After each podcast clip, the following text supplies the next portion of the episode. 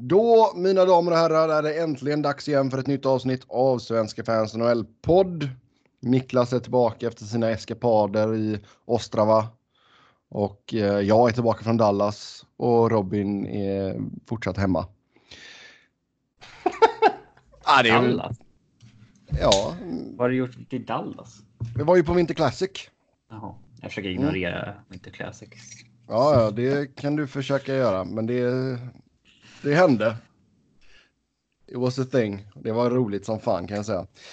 Eh, mitt namn är Sebastian Norén, med mig som vanligt Niklas Wiberg och Robin Fredriksson. Dags att gå igenom vad som har hänt i världens bästa hockeyliga. Eh, det är ett tag sedan vi talades vid senast, så det har ju hänt en hel del. Eh, vi tar väl och hoppar rätt in i eh, nyheterna. Sen så tar vi era lyssnarfrågor. Eh, först ut, Ray Shero. Du måste ju börja med att ja. berätta hur du gjorde bort dig i Dallas. Vad gjorde jag denna gången? Både jag och Robin har ju hört vad du har gjort. Jag har varit väldigt eh, städad och professionell så jag tror inte jag har gjort bort mig på något sätt den här gången. Eller Alltså vi fick ju... Det fanns, ing, det fanns, det fanns inga lock som jag kunde förstöra på, på, på buffén. Så det var ju tur det i alla fall. Ja, men vi har ju fått information om den där grejen du gjorde på kvällen där. Ja, ja, ja. Nog. Jag gick och la mig innan tolvslaget på nyårsafton. uh,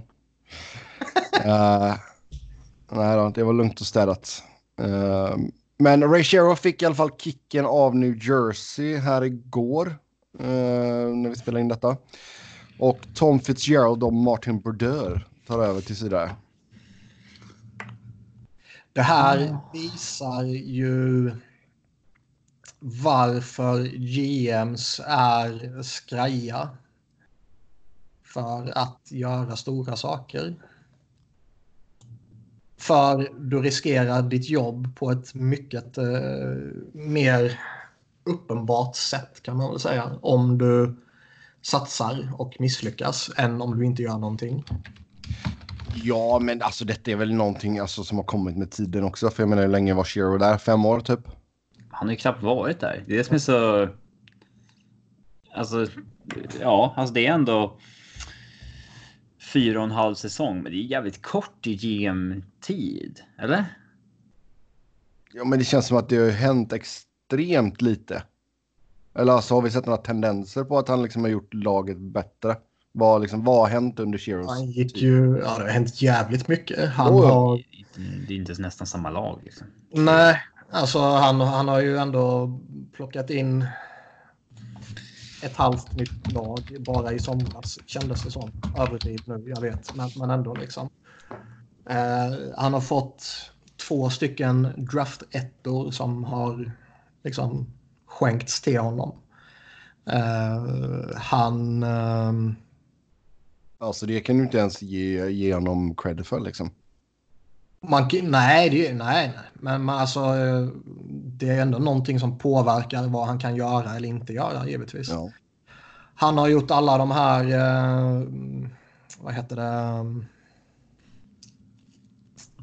stora tradesen. Han har gjort och... många stora jävligt bra trades. Mm. Han började ju med Carl Palmieri för några draftval från Anaheim.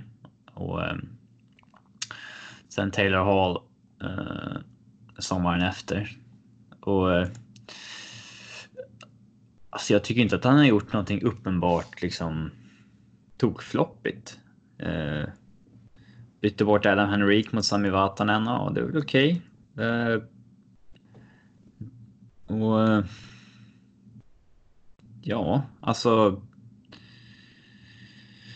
Eh, jag vet inte riktigt varför... Varför det här sker. Är det liksom för att eh, det var nu eller aldrig den här säsongen? Alltså lite... det, det, det statementet vi fick uh, av Josh Harris som är managing partner och chairman Um, han sa att uh, Ray and I are in agreement that the Devils need to move in a new direction and that this change is in the best interests of the team. Så alltså, jag tycker det är, det är en konstig timing på det hela.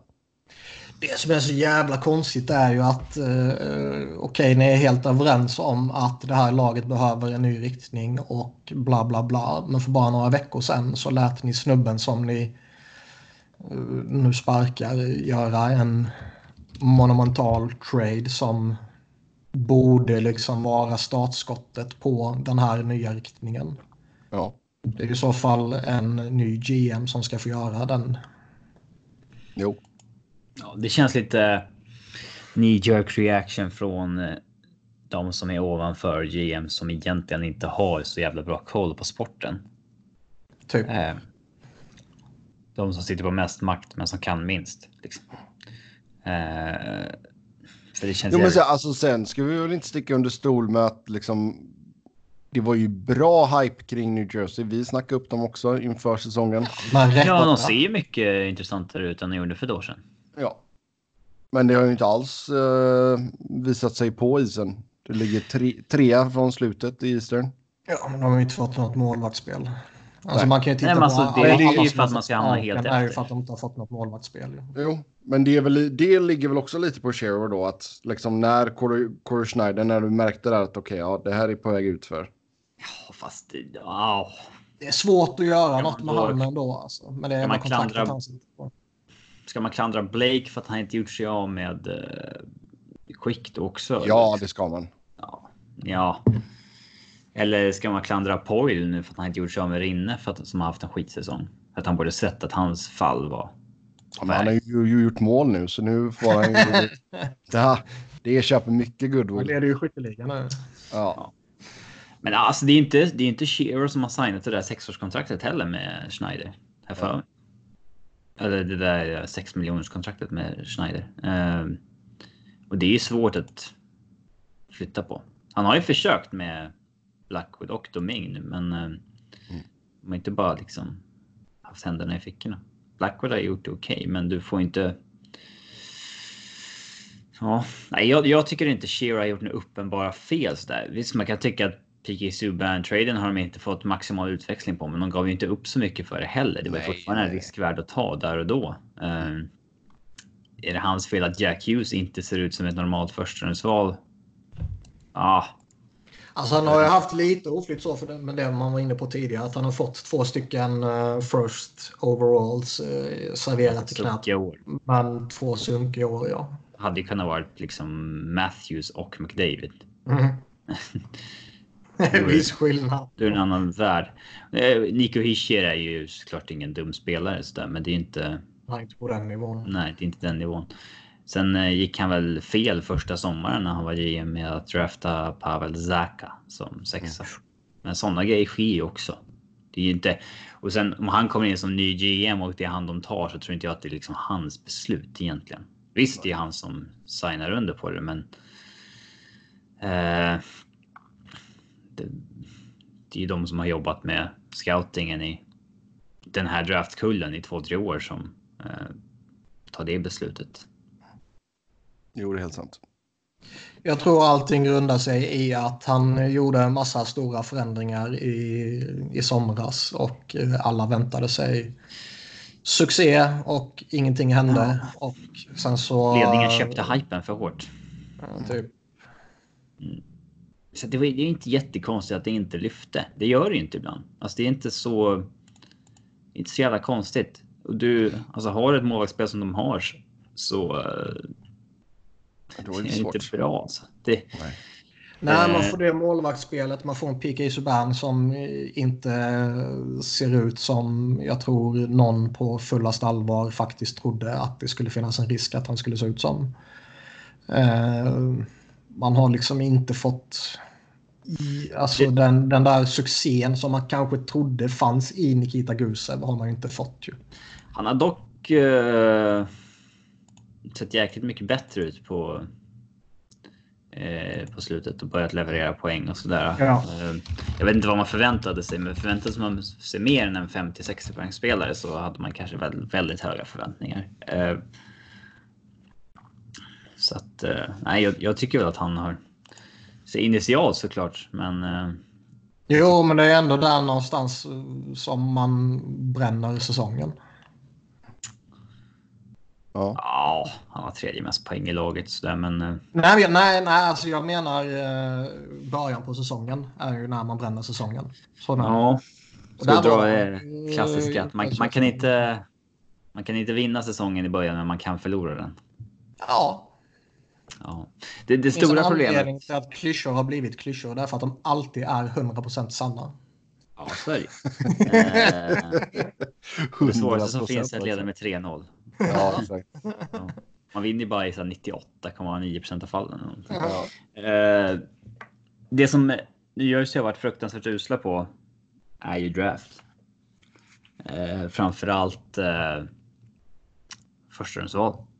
Mm. Där har de ju gått alldeles alltså, enormt fel senaste decenniet.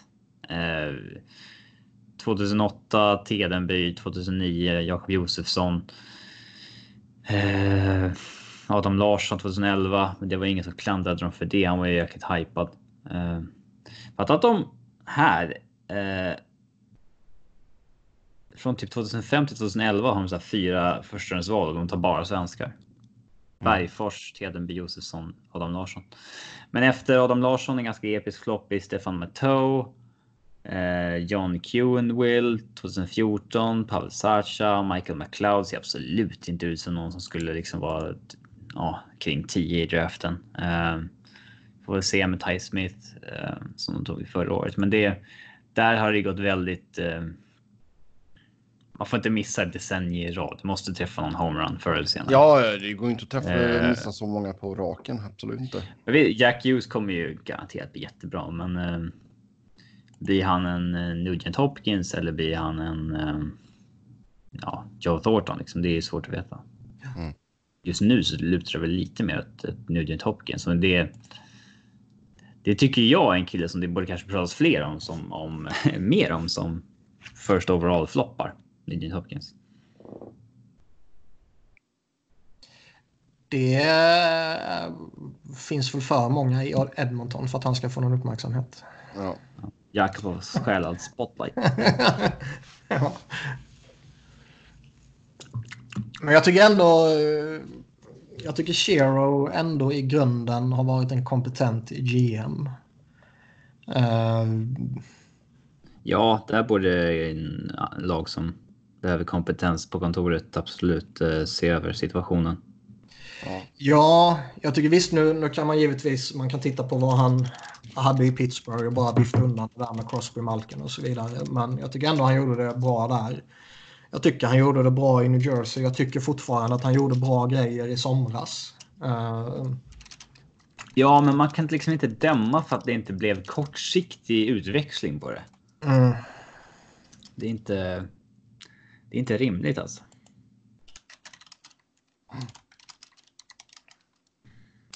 Ja, men det känns uh, som att han, han, borde ju få ett jobb igen. Ja. Uh, får vi se vart. Finns det något? Seattle har väl Ron Francis på plats, va? Ja. Uh, I GM-rollen, inte någon VP-roll, eller? Eller både och kanske. Uh, mm. Det, det kommer bli som det blir med alla sådana här att han får någon diffus... Uh, Senior advisor-roll till, tills det dyker upp något ordentligt GM-jobb. Ja. Uh. Mm. Han... Uh, David Poyle kanske snart får sparken och flyttar han tillbaka till nu Nashville. Mm. Men han kommer ju... Han, jag skulle inte bli ett dugg förvånad om han får någon sån här... John Hines. Någonstans. Ja. Stelt. Tja. Uh, du vet det där jag sa för två månader sedan. Glöm det. Nu börjar vi om. Ja. Hur såg träningen ut? Han är, han är ju ett jävligt respekterat namn. Så han, ja. uh, han kommer hitta ett jobb någonstans. Det är jag 100% övertygad om. Yes, vi släpper Shero där och så går vi till Nashville. Uh, där sparkade man ju Peter Laviolette och tog in då John Hines som tidigare fick kicken från New Jersey. Uh, alltså vi har ju pratat om Laviolette och hans tränarstil och allting och att det kan wear out its welcome som man brukar säga. Ja. Jag har sagt det många gånger. Jag tror, jag tror han tär på en trupp. Och han har varit där så pass länge nu med en stor del av kåren intakt över alla år. Och jag mm. tror att det... Ja, över tid så tror jag helt enkelt att man, man brinner ut. Man såg det i Carolina, man såg det i Flyers och ja, jag tror man såg det i Nashville. Det är, inga, det är inga skam i det heller. Liksom, så här. Fem och ett halvt år, det är, sen behöver man en förändring. Det är ju i dagens eh, hockey, alltså oerhört jämna liksom hockeyvärld så är det snarare liksom hatten av om du lyckas behålla ett jobb i fem och ett halvt år som coach. Mm. Jag gillar honom så jag vill inte. Det har jag sagt alla år att liksom jag, jag tycker den. Eh, vad säger man? Det är en coach som det är jävligt. Nej, men det är ju det det är jävligt enkelt att liksom sluta upp bakom honom. För han är väldigt intensiv, han är väldigt underhållande och han är väldigt liksom tittvänlig. Mm. Fem år i Flyers, fem år i Carolina, fem och ett halvt i Nashville. Det är väl... Uh... Tror du att laget lär sig att kicka honom efter fyra år nästa gång? Så här, fan, det går ju fortfarande bra. Här, ja, men vi, vi har sett ett mönster. Han fick ju sparken efter tre matcher i Flyers. Ja. Ja, fyra, ja, det blir ju fyra år och tre matcher. Tre matcher. han, han anställdes ju under säsongen. Någon i tio? Ja, okej. Okay. ja. John Stevens fick ju kicken i måste varit november, december där omkring. Uh, sen kom ju Lavi in och tog dem till final. Och sen så fick han kicken tre, kan, kan ha varit fyra matcher in på. Nej, tre var det. Legendary. Mm. Uh, så det, mm. ja. Men ja, ja. Ja, men det var inte så konstigt att han fick gå. Uh, valet John Hines fick ju många att höja på ögonbrynen, men. Uh, men hur många uh, tillgängliga finns det? Va? Men hur många tillgängliga finns det? Ja, det blev lite raljerade tweets sådär över att säga ja, det är synd att det bara finns 35 coacher. men jo, men du vet ofta blir det jättebra att ta framförallt midseason ta någon från liksom juniorligan eller liksom college eller Europa för den delen. Det är inte. Uh, nej, alltså jag, jag, jag, dömer dem inte för att de tog det i alla fall. Jag tycker att John Heinz är jäkligt intressant. Det är, Eh, han verkar vara ett respekterat namn i branschen och alla som har jobbat med honom pratar väldigt högt om honom, både som coach och som människa. Eh, så fick inte han utväxling i New Jersey och det är. Ja, men säg en coach som inte har misslyckats någonstans. Alltså det, det har ju alla. Eh, det betyder inte att man är, är kast för det. Han har ju bara haft ett jobb och. Eh, det, är, det är coolt att Poil eh, liksom don't give a fuck at all. Eh, och bara ta honom. Och, han har ju bara kickat fyra coacher, eller man har haft fyra coacher på Det här var ju första coachen som... han kickade sen typ 94 eller någonting. Ja, eh, och det... Eh, så att ja, det... Jag tycker det är ett intressant och modigt val.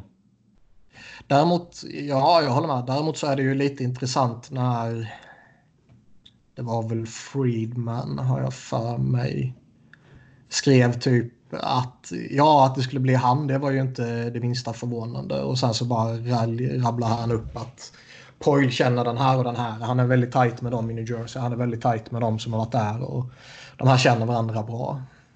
Och han, eller de har gemensamma vänner typ liksom. Och det är den enda som behövs för att få ett jobb typ liksom. Mm. Och det är lite sånt man har raljerat om tidigare. Att har du väl har du väl trängt dig in i ligan och du har ett bra kontaktnätverk så kommer du vara set for life. Ja, lite så är det väl. Nu är ju han eh, ganska ny i ligan, men. Eh, jo, jo, men han, ja. får man väl in foten och du får kontaktnätverk sen så räcker det. Nu tycker jag i och för sig att jag, jag tycker inte alls det är något fel med att ta Heinz här. Jag tycker också att han är en kompetent coach som som också fick sparken på grund av sina målvakter. Typ. Uh, ja, det får ju alla. Alltså, ja. det, är så, det är så löjligt. Alltså, när en coach sparken, det är bara att kolla räddningsprocenten sista månaden. Alltså liksom att det funkar så. Alltså, Ja. vad, vad är det för nivå? Fast ju- just här känns det ju som att det är nog... eh, Det, det, det är ju givetvis en faktor i det hela. Men jag tror det ligger mera saker bakom det här också. Att Laviolette får sparken Ja, menar ja. du? Eh, ja. Eh, Poil sparkar ju inte ofta så att säga. Nej. Så att. Eh, eh, nej, det är inte så. Inte så märkligt. Men Vi har ju det, pratat om det här i några år känns det som. Två år eller tre år kanske till och med känns det som att ja, det börjar man närma sig slutet med Laviolette här nu och typ varenda gång vi har med Max och vi snackar lite Nashville så är det dags Max? snackar vi. Är det dags? Ja. Ja. Snackar vi samma saker om Laviolette typ. Så det, har ju, det var ju ingen chock överhuvudtaget egentligen. I synnerhet inte när de... eh, Ja, de har ju liksom inte kommit igång den här säsongen. Nej, men. Uh, bör Poil uh, liksom agera på målvaktssidan? Det är jävligt svårt. Pekadinne petar man inte på liksom. Nej, Eh, han är ett år kvar på 5 miljoner dessutom, även om han haft en skitsäsong. Eh, och Josse Saros lyfter ju inte. eh, men vågar man samtidigt ge upp på honom? Bara sådär, det är väl... Ah, du får nog köra. Det köra på- mera, det hade varit mer rimligt för Shearer att spränga målvaktssidan för en vecka sedan än det hade varit Ja. för Poil. Oh, ja. ja, när vi ändå så inne på Nashville så sägs man shoppa Craig Smith och ehm, kan agera sellers alltså. Man, visst, man ligger utanför slutspelet men du, du är fortfarande med i racet. Ja, jag tror inte att man säljer innan man... Eh... Helt körda. Eh, ja, ja, måste så att säga. Om du ligger åtta poäng utanför. Vi. Eh, man kan ju också känna att. Ja, vi kanske kan, vi kanske kan hugga sista wildcard-platsen, men. Vi har inte slagläge i år. Ändå, så kan man ju känna.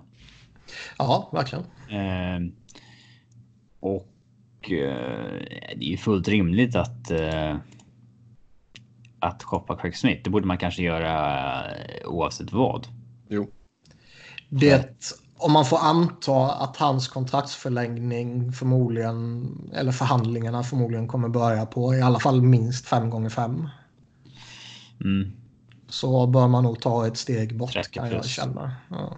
Det kan bli ett Brian Little-kontrakt. Som man ångrar. Ja. Så han ska man nog absolut eh, försöka få någonting för. Och samma sak med Mikael Granlund. Ja, det känns väl... Varför har han blivit dålig på hockey? Ja, alltså det är som jag sagt tidigare. När förra säsongen viftade man väl bort lite där med eh, allt kaos som var kring honom i samband med traden med nyfödd unge och allt vad det var. Men eh, nu ser det ju faktiskt oroande ut. Ibland är det bara en bad fit och han behöver komma någon annanstans. Och, eh, jag, eh, jag skulle absolut kunna tänka Köpa mig lågt på honom nu. Alltså. köpa lågt på honom. Ja. Ja. Sen är det frågan, sen är liksom, säg att man får in Granlund i samband med trade deadline och han ser bra ut. Hur, eh, hur högt vågar man gå på honom? Han är inte gammal Nej, än. han fyller 28 i februari. Ja, då är han visserligen på gränsen så här, om du ska våga igenom något långt avtal kanske. Ja. Ehm, för hans karriärskurva är ju ganska naturlig där liksom med två säsonger kring 70 poäng när han var 24 26. Eh, det. Det, det är inte jätte. Det är inte jättekonstigt.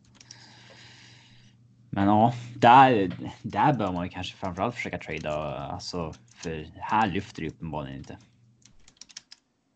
Och jag tror inte att Nashville vågar gå på en förlängning på honom som det ser ut nu. Är det Sebbe som sitter och skriver på tangentbordet? Ja, förlåt. Det är Helvete lite, högt det låter. lite högt ja. Mm. Respektlöst. Ja, jag vet. Förlåt. Vill ni, kan ni skicka hatmejl till, till mig så kan jag vidarebefordra dem till Sebbe. Ja.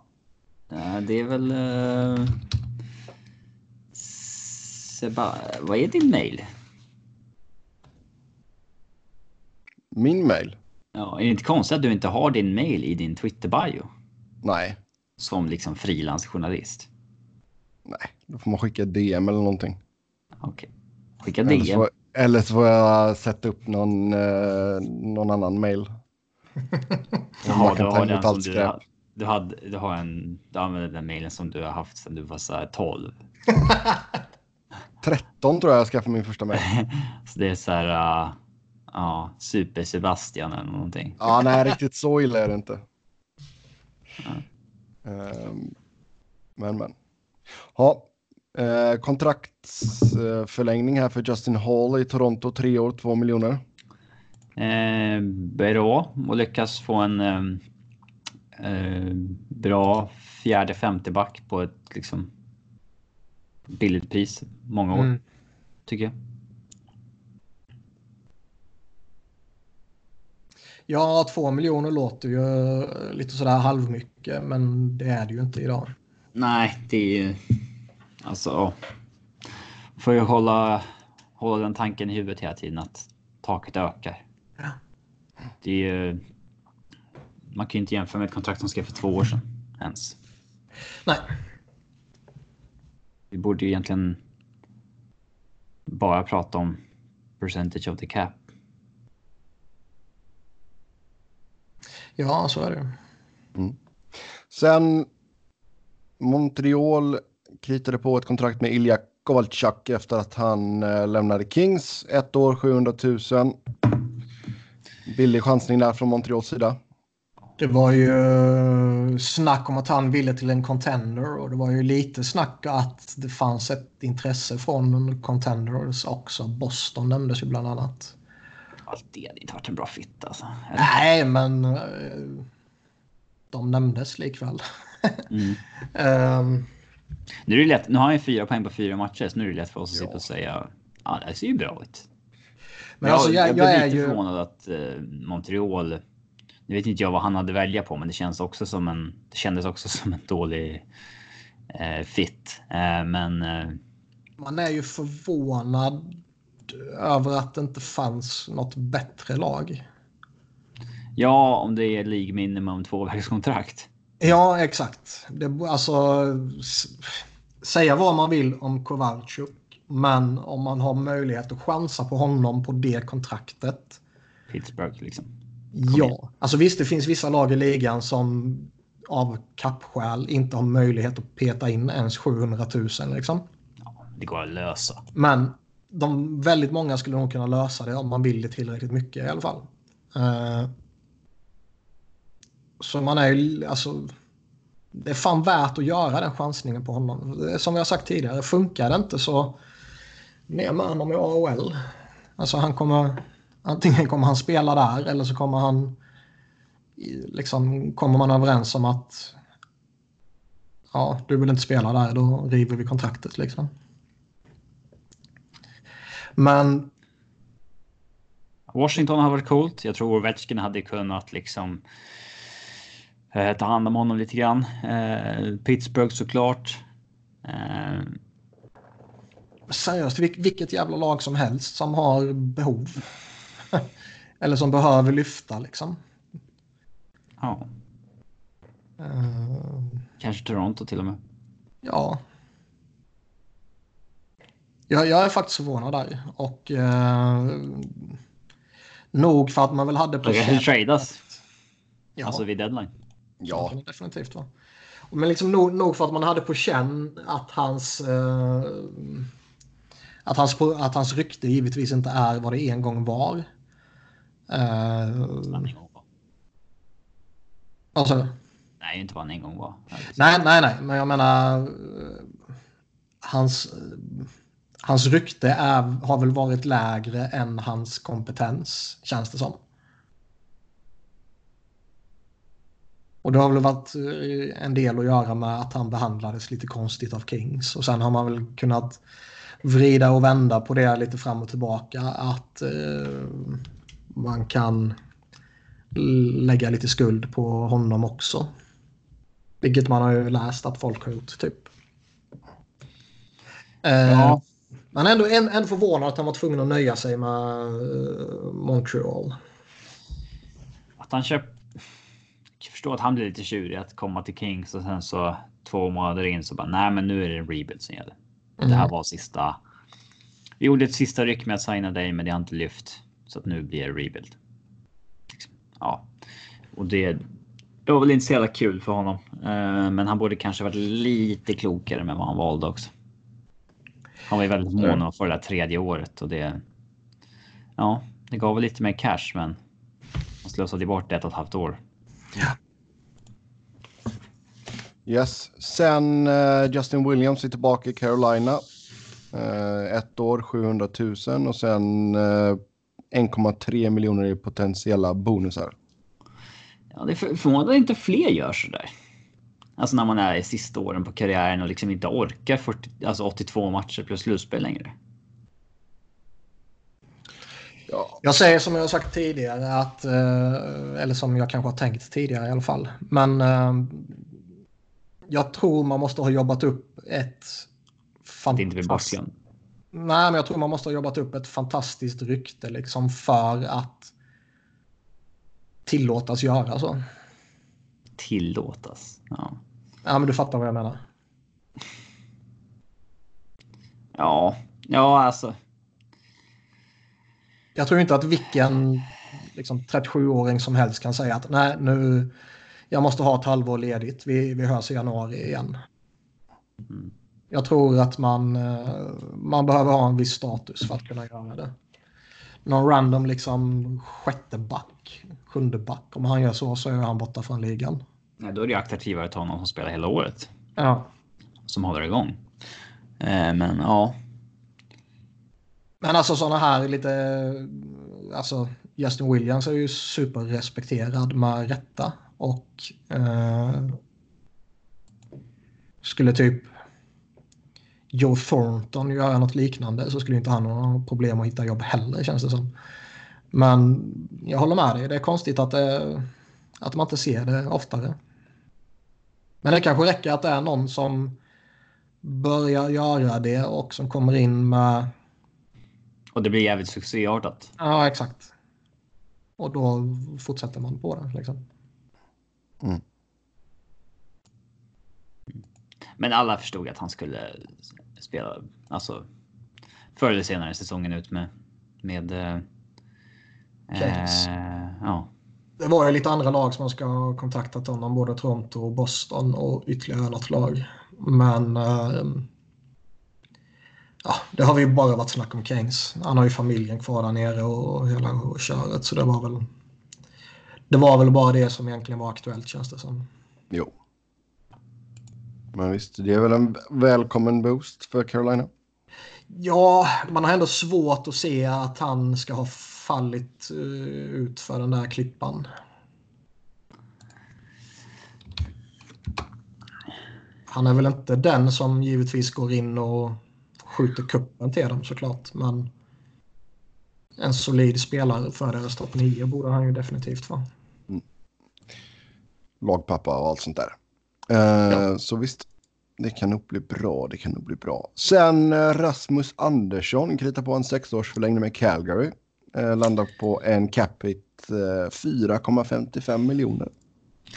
Uh, Flames-fansen verkar oerhört nöjda. Han verkar ha varit riktigt bra. Liksom. Uh, uh, ögontestet och så vidare. Men eh, jag är lite förvånad att han får så bra betalt. Uh, för det brukar vara poäng som genererar capita. Och det har han inte levererat. Uh, så det, det förvånar mig lite grann. Uh, det intressanta är vad som sker med TJ Brody och ehm, Travis uh, Hammonick nu då. De har väl råd att ha kvar en av dem. Men inte båda. Så att, eh, det, får, det blir intressant att se. Men jag har alltid gillat eh, eh, Rasmus Andersson. Eh, jag blev lite förvånad att han eh, fick ett sånt här kontrakt eh, nu. För det, jag, jag trodde inte att han var på den nivån liksom statusmässigt. Nej, och man gamlar väl ändå lite på honom. Fast 4,55 är ju inte så mycket längre. Nej, men det ska man också komma ihåg att det är inte. att det ska kunna bli ett problem. Ja. Det är ju inte att jämföra med eh, Brodys 4,6 till exempel. Det signades ju för superlänge sedan. Ja. Ehm, men. ah, Det är samtidigt. eh, Ja, det är fortfarande tillräckligt mycket pengar för att han ska förväntas spela en topp 4 roll kommande Mm. sex åren. Det kan jag absolut köpa. Men det blir, det blir intressant att se vad han kan hitta på där. Sen uh, Mike Riley till Ottawa i utbyte så gick Andrew Sturts och ett uh, femte rundsval 2021 till Buffalo. Ja, jag har ju det tänkt är väl typ det. det. de två efterföljande som... eh, Ja, jag tänkte det. Det är den. Trio. Och sen Ja. Jag är inte så intresserad av att prata enbart det om den här Ja, det är traden. bra. Sen Marco Scandella till Montreal utbyte eh, mot ett fjärde rundsval 2020 som tillhörde San Jose från början till Buffalo. Sen skickade Buffalo det fjärde rundsvalet till Calgary i utbyte mot Mikael Frolik. Eh, ja, jag tycker väl att Frolik är en solid spelare som borde göra nytta för Buffalo. Eh, det har ju varit väldigt mycket snack rätt länge om att de, ja, de, de kan släppa en back för att de behöver en forward. Och det var ju exakt vad som hände, även om det var separata trader. Jo, men det är sant. Frolik har ju varit lite eh, ute på marknaden sådär också. Så det var ju inte direkt förvånande att han försvann från, från Calgary heller.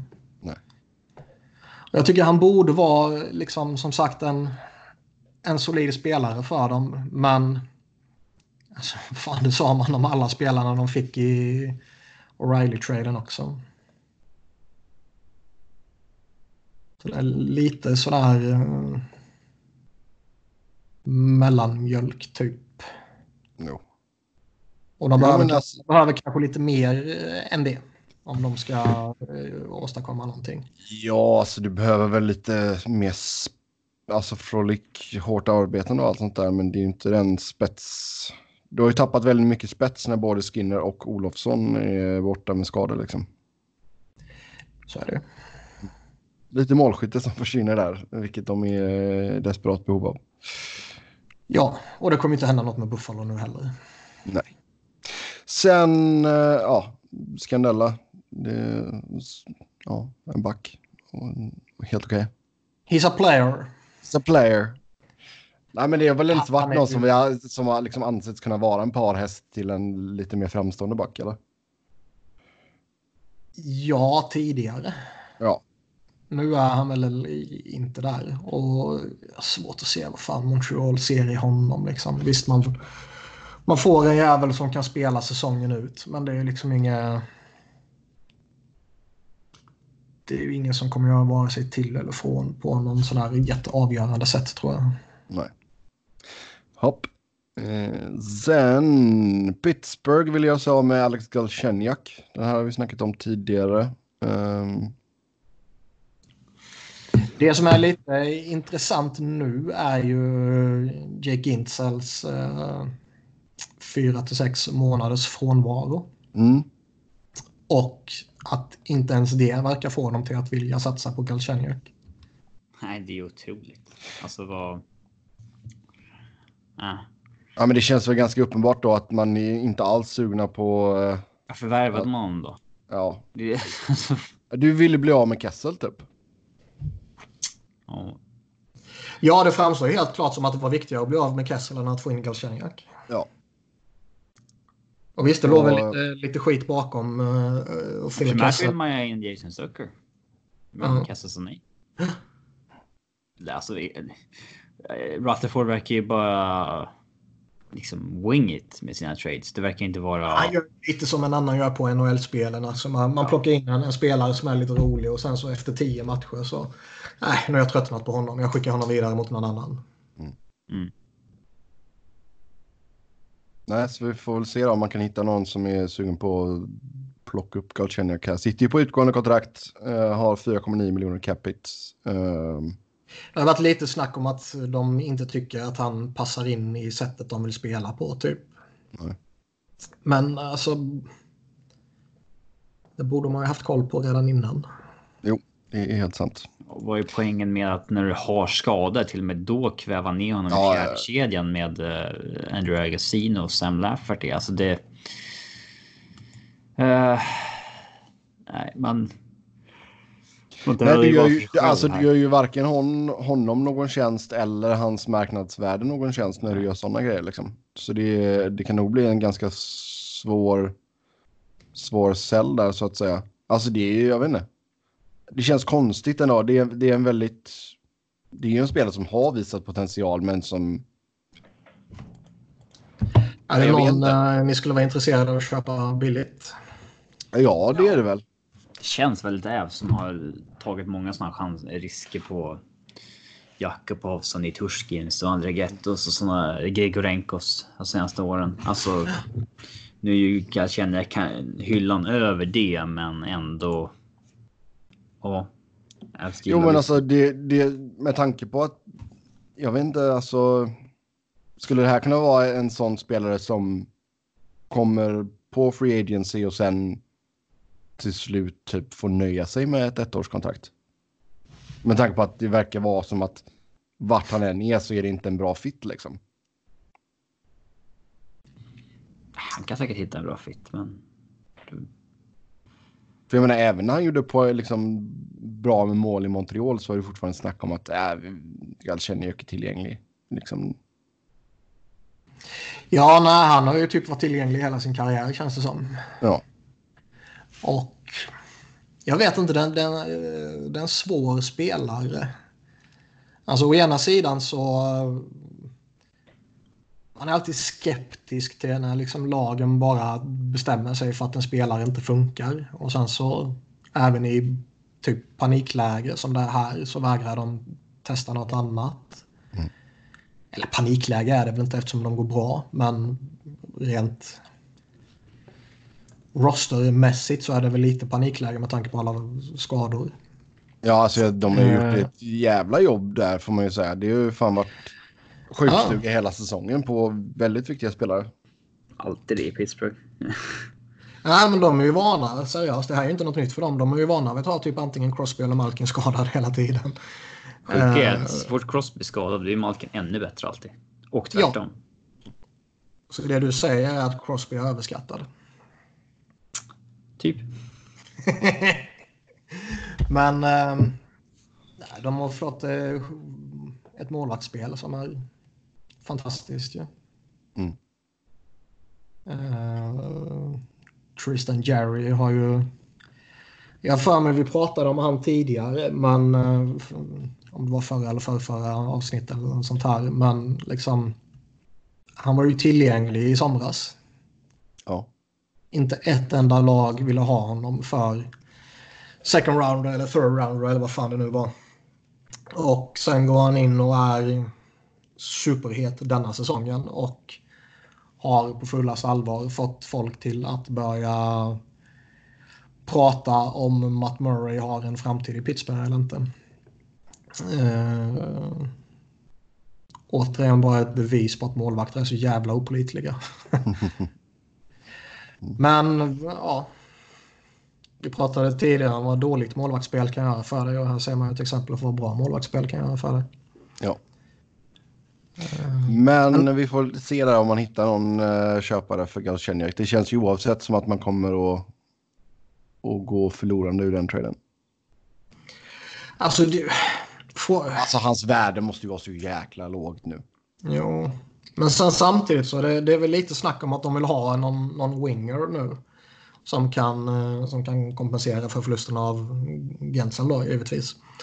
Och den traden kan man ju sådär på rak arm se svår att få fram liksom. Alltså då får du paketera Galchenyak och krydda ordentligt på det liksom. Men, Nej, men typ. Men, Men- liksom, däremot- vi, vi, vi snackar ändå som en kille som har gjort 30 baljer. Alltså rätt många år sedan. Jo, jag vet att det är ga- ganska många år sedan, men liksom att han ska... Det känns ju inte som att han inte har 25 till 30 baljer i sig. Alltså jag skulle absolut kunna tänka mig eh, att chansa på honom. Typ ta in honom nu säsongen ut, se vad som händer. Funkar det så kan man förlänga med honom. Men eh, jag skulle ju inte göra det som liksom en del i att göra Pittsburgh en tjänst. Att man tar honom från dem samtidigt som man ger dem en, en bra winger och så får du en, eh, en halvhygglig prospect som kompensation typ. Utan då är man kanske mer intresserad av att ge mig Galchenyak. Ni behöver bli av med honom, ge honom till mig. Mm. Kan Anaheim vara ett av de lagen kanske? Man ska vara redo på att ta på sig lön för att hjälpa andra lag. Eh, ja, varför inte? Det känns väl eh, absolut som att...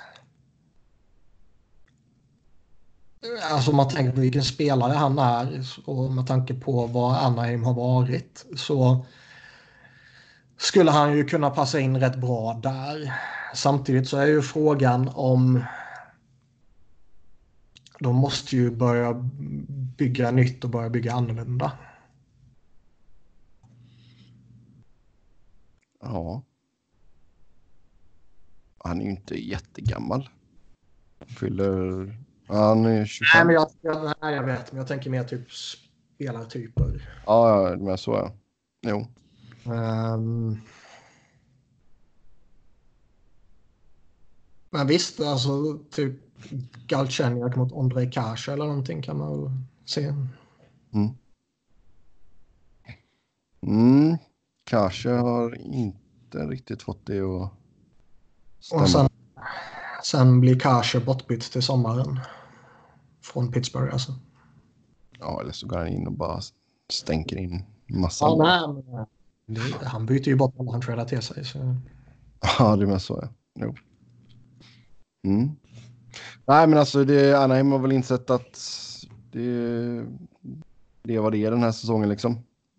Just nu ligger man sist i, i Western. Ja, det var väl ganska... Att man skulle Ganska sämre än väntat. Kings. Mm.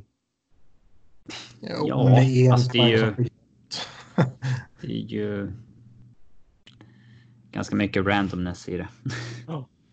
ja, vi har en så Anaheim, LA och San Jose just nu. Bot, bottom eh, tre där i Western.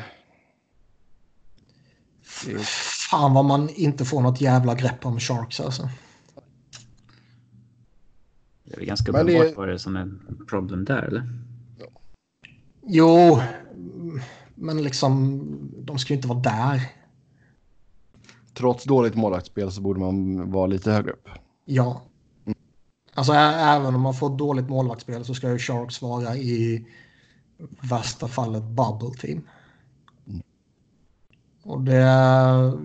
Visst ger det två veckor och så vinner man några matcher och helt plötsligt är man ett bubble team liksom. Men... Ah, det är fan konstigt är det. Ja. Yes. Eh, Lias Andersson har bett om en trade från New York Rangers.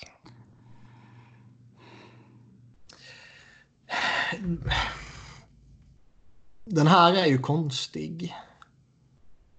Mm. så tillvida att...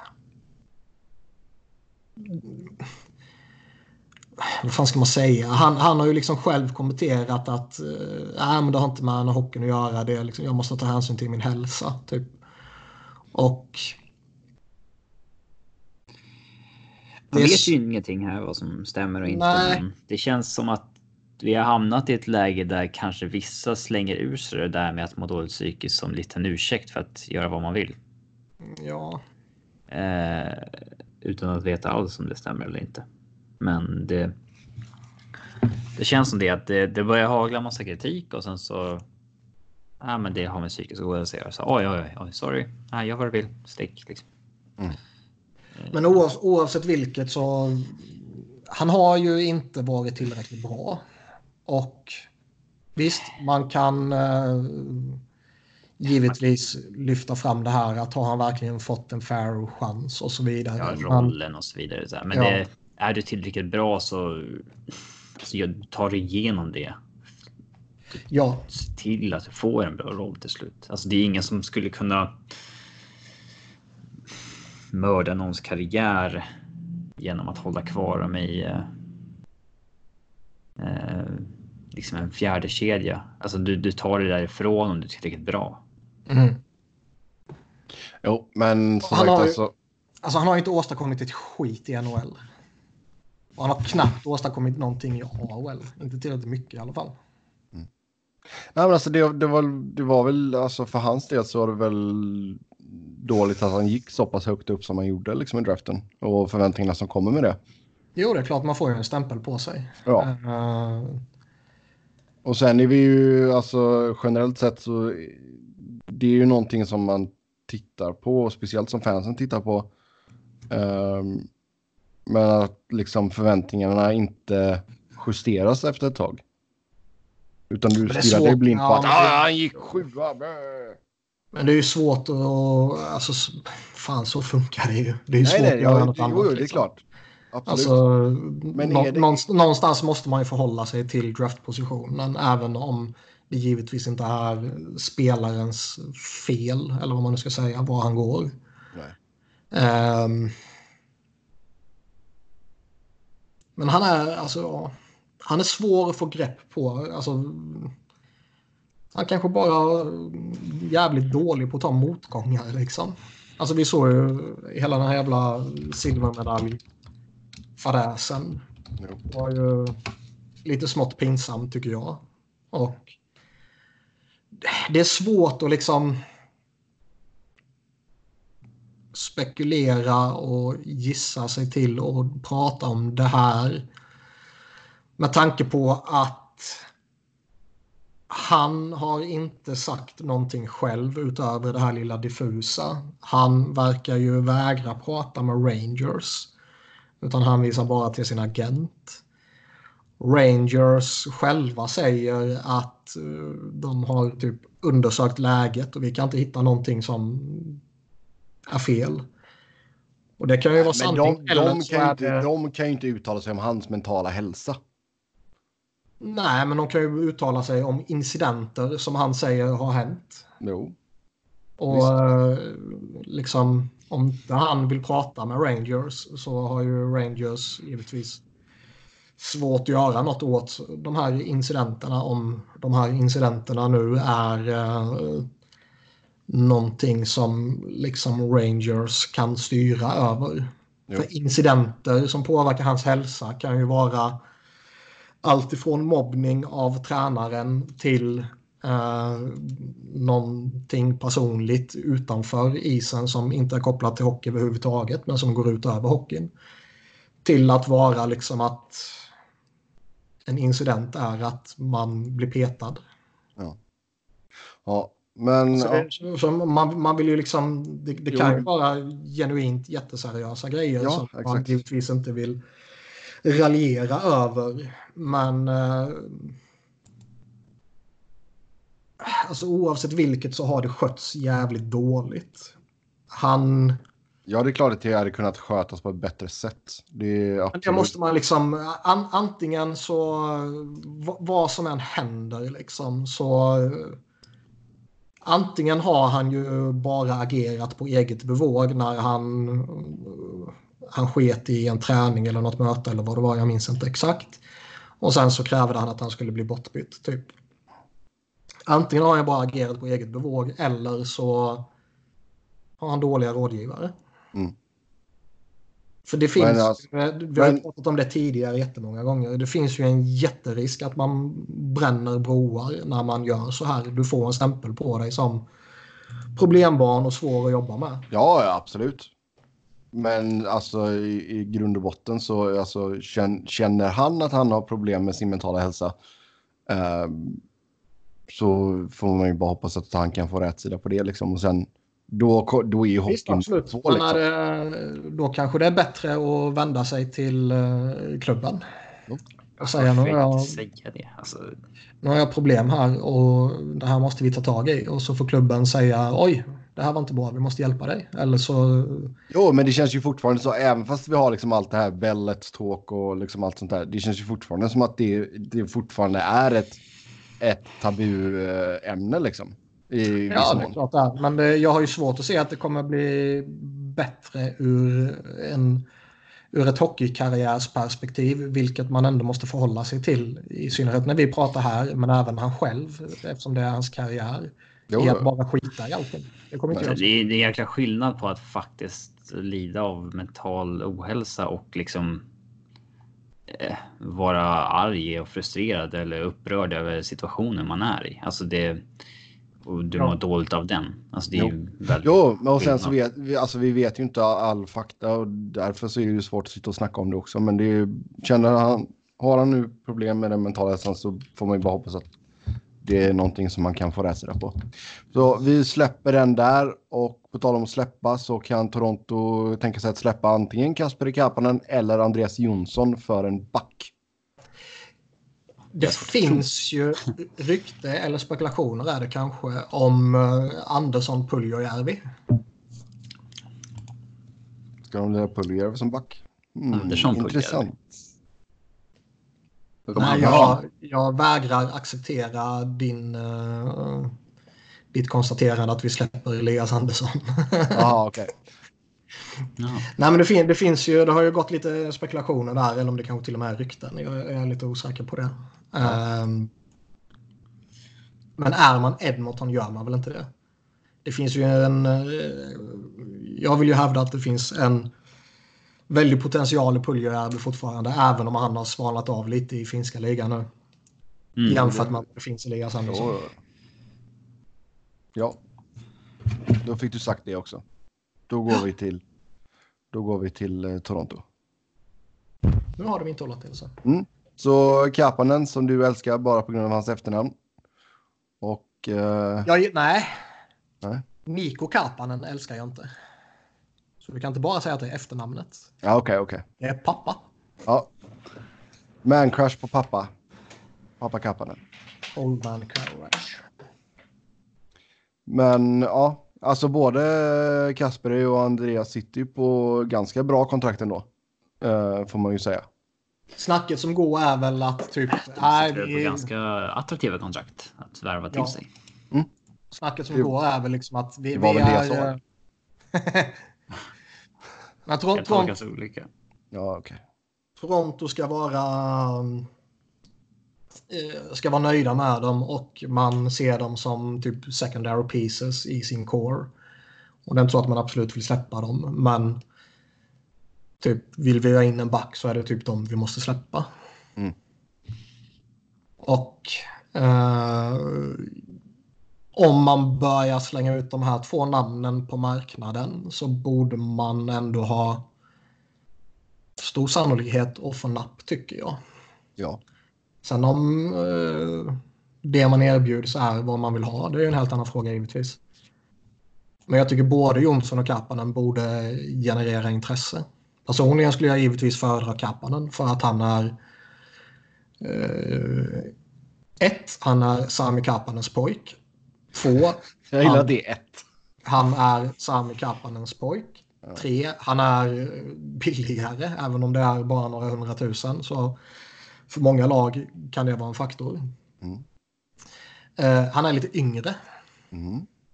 Och han är Sami Kapanens pojk. Mm. Och ja. han är inte svensk. Nej, det är helt rätt. Därmed inte sagt att Andreas Jonsson inte är en klart kompetent spelare, för det är klart han är det. Men eh, personligen skulle jag föra Kapanen. Ja. Mm, det, alltså, det känns som att vi har snackat om Toronto backar väldigt länge. Ja, och man trodde ju att de hade inte löst allting, men att de hade fått sig en bra skjuts i rätt riktning när de fick in Tyson Barry på inte ens 3 miljoner. Men de verkar ju fortfarande vilja pilla med någonting. Mm. Och vad de ska med Cody Ceesay till är ju Obegripligt givetvis. Jag, ja. jag tror fortfarande, som jag sagt tidigare, det var... Cici borde man bara struntat i att signa. Jag är 100% övertygad om att det var något jävla sätt för uh, Dubas och ledningen att uh, smeka Babsan med håret. Ja.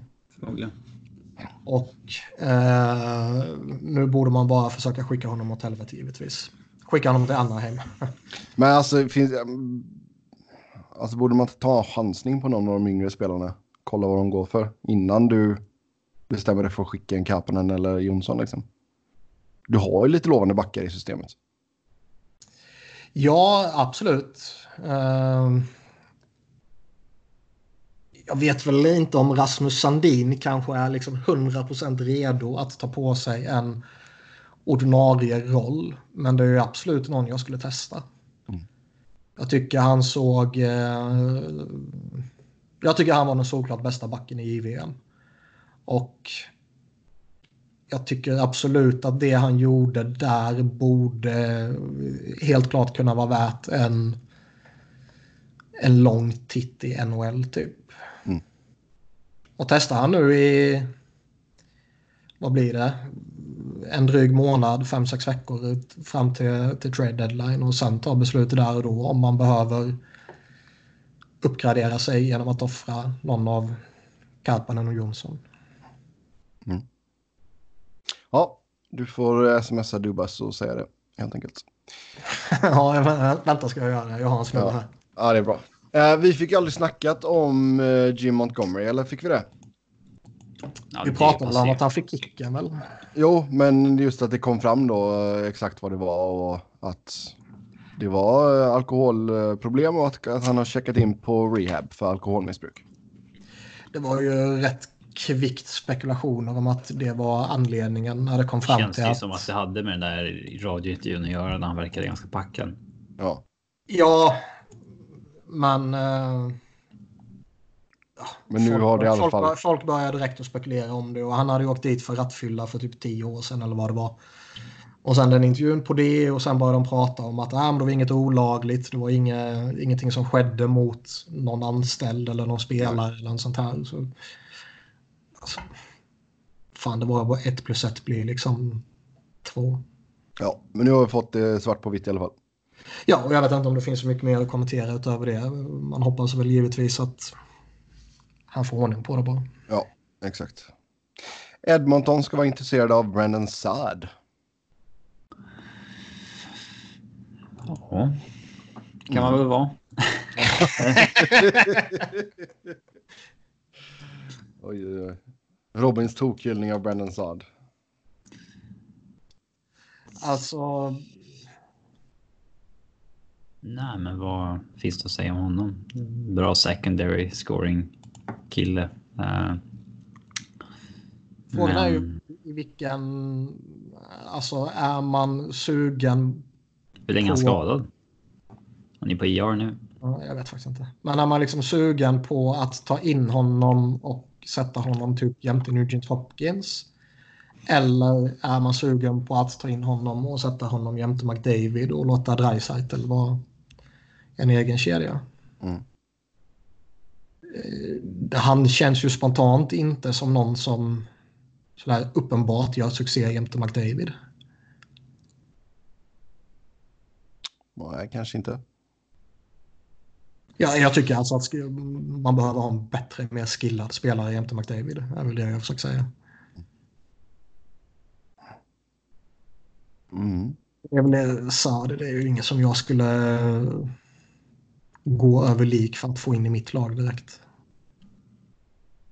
Kompetens ja, vettig för middle sex typ. Men, jo, eh, men du har ändå 6 miljoner capita och ett år ja, jag tänkte säga, han är rätt dyr också.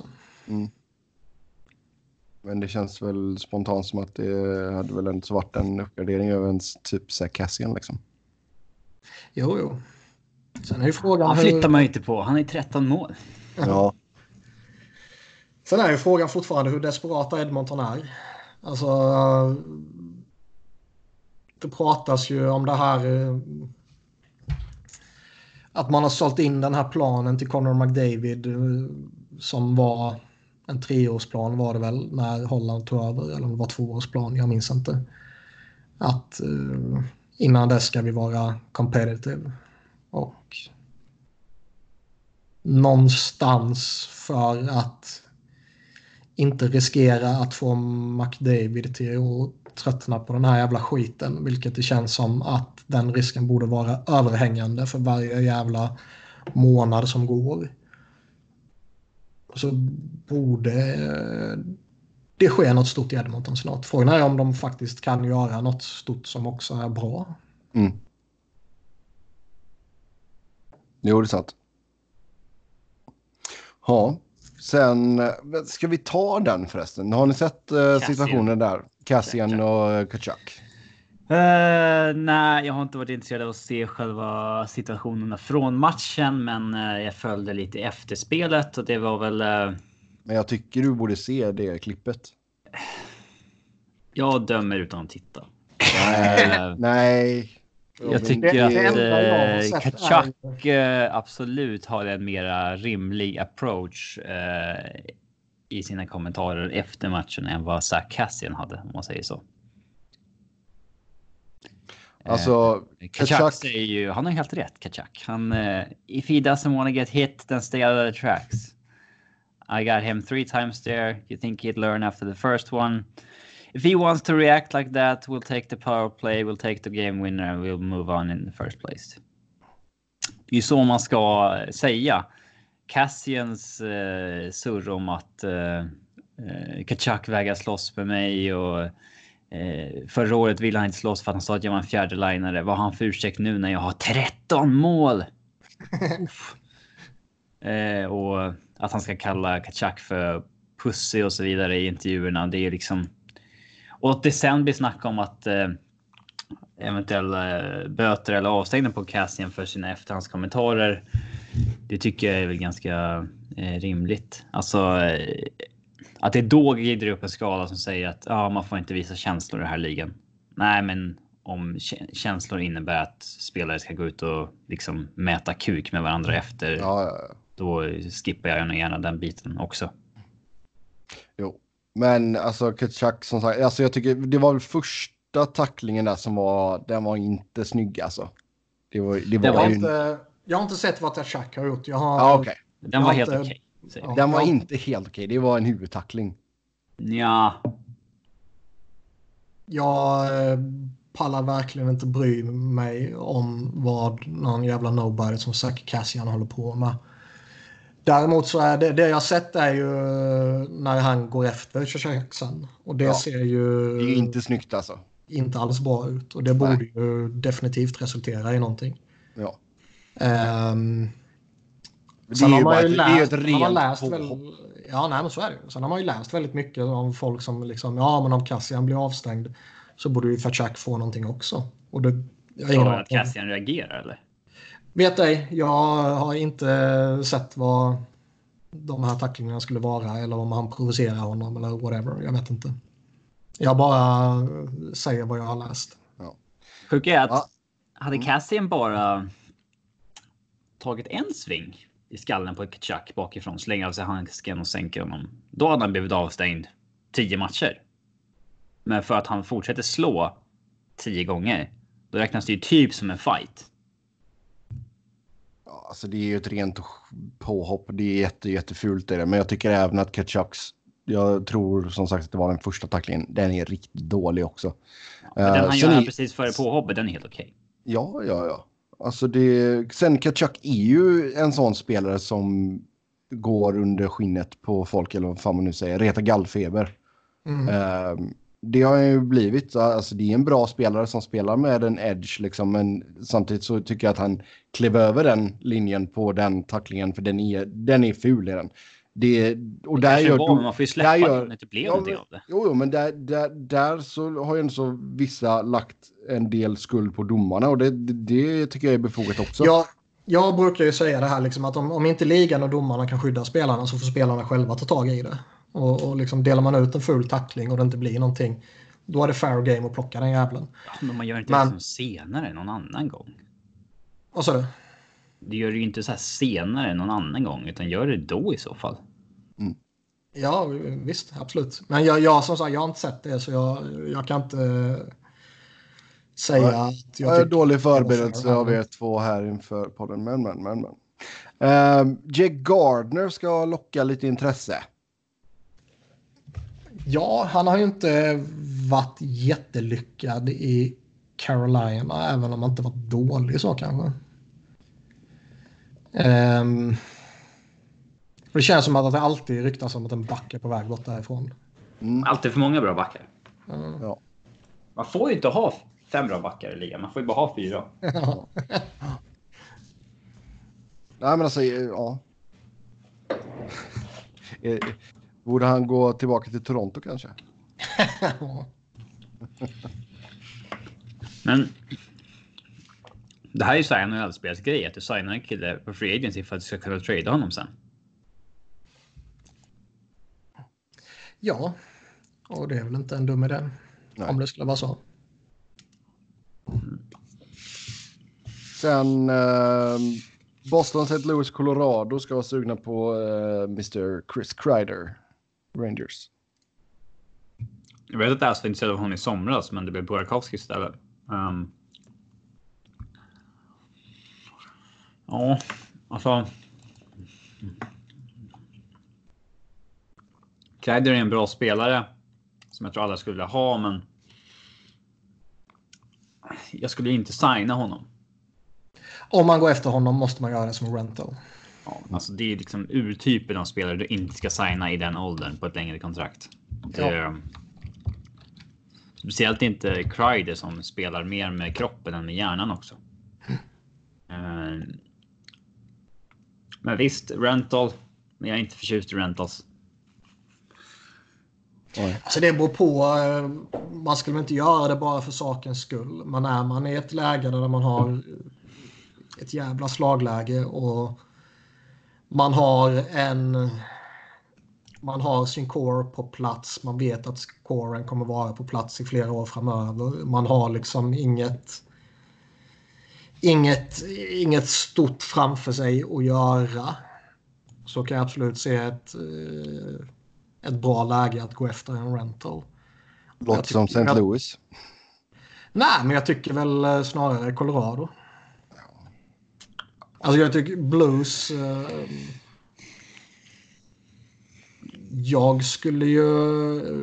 Är jag dem så skulle jag ju tycka att det finns ett stort behov att få in lite färskt blod. Alltså det vill säga drafta några egna spelare och kötta in. Ja. Eh, sen visst, de har några, några unga kvar som de har draftat sen tidigare som man typ väntar på. Eh, så det finns ju lite som, eh, som är på gång sådär. Men eh, alla kommer inte göra succé förstås. Nej. Och de har de har ändå några lite sådär äldre som rimligtvis kommer behöva fasas ut eller eh, ja, kommer dippa av sig lite. Så jag vet väl inte. Nu har de men som- som så en har inte det där behovet heller. Nej, men jag- som en ren rental så mm, jag tror det här kan bli bra. Jag säger inte det Ja. skulle vara dåligt. Jag säger bara inte att jag ser det där extrema behovet. Nej, nej, nej. Men jag Yes. tror, jag tror verkligen det kan finnas ett sånt slagläge i Colorado så att det är värt att, att bara gå efter någon rental. Om sen han är rätt rental eller inte för Colorado, det, det är väl kanske en annan fråga. Mm. Eh, Men Ja. ja. Ja, jag kan absolut se Colorado göra någon, någon större grej. Mm. Sen nu Niklas så ska du få prata om dina eskapader i Tjeckien och JVM. Från vad jag kunde läsa på Twitter så eh, hatade du på eh, städerna. Du gillade den billiga kebaben och den billiga ölen. Och du lyckades bli magsjuk. Det är Kan otroligt. Kan det ha varit på eh, grund av den billiga kebaben?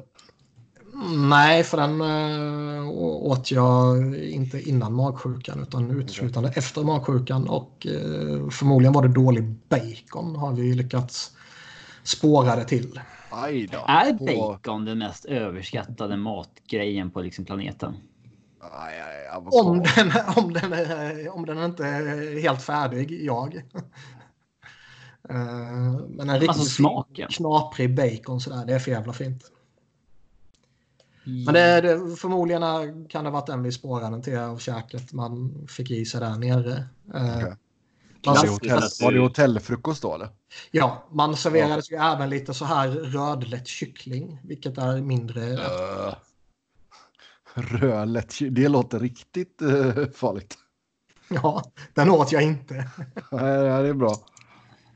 Men det är, um, alltså man, man förundras ju vad det är som gör att de lägger JVM i sådana här städer. Den var... Varför den inte Prag liksom? Ja, varför lägger man inte i Prag? Eh, låt Ostrava vara den andra spelorten i så fall. Men liksom lägg allt fokus på, på Prag i så fall. För det var... Visst, när man är iväg sådär så finns det inte jättemycket tid över till att göra något annat. Men det fanns verkligen ingenting annat att göra i den här stan. Om man tänker sig random stereotypisk industristad från Sovjettiden. så var det Ostrava. Liksom deras slogan är typ The Steel Heart of Czech Republic. Okay. Vilket ju också är en jävligt eh, osexig slogan. It is a city. ja. ja. Uh, och det var liksom helgdagarna Alltså inte lördag söndag utan helgdagar. Eh, vilket är, är ju en del sådana under den här perioden så var ju allting igenbommat.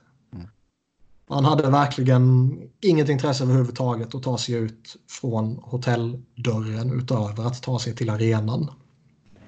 Eh, och rent organisatoriskt, alltså du vet.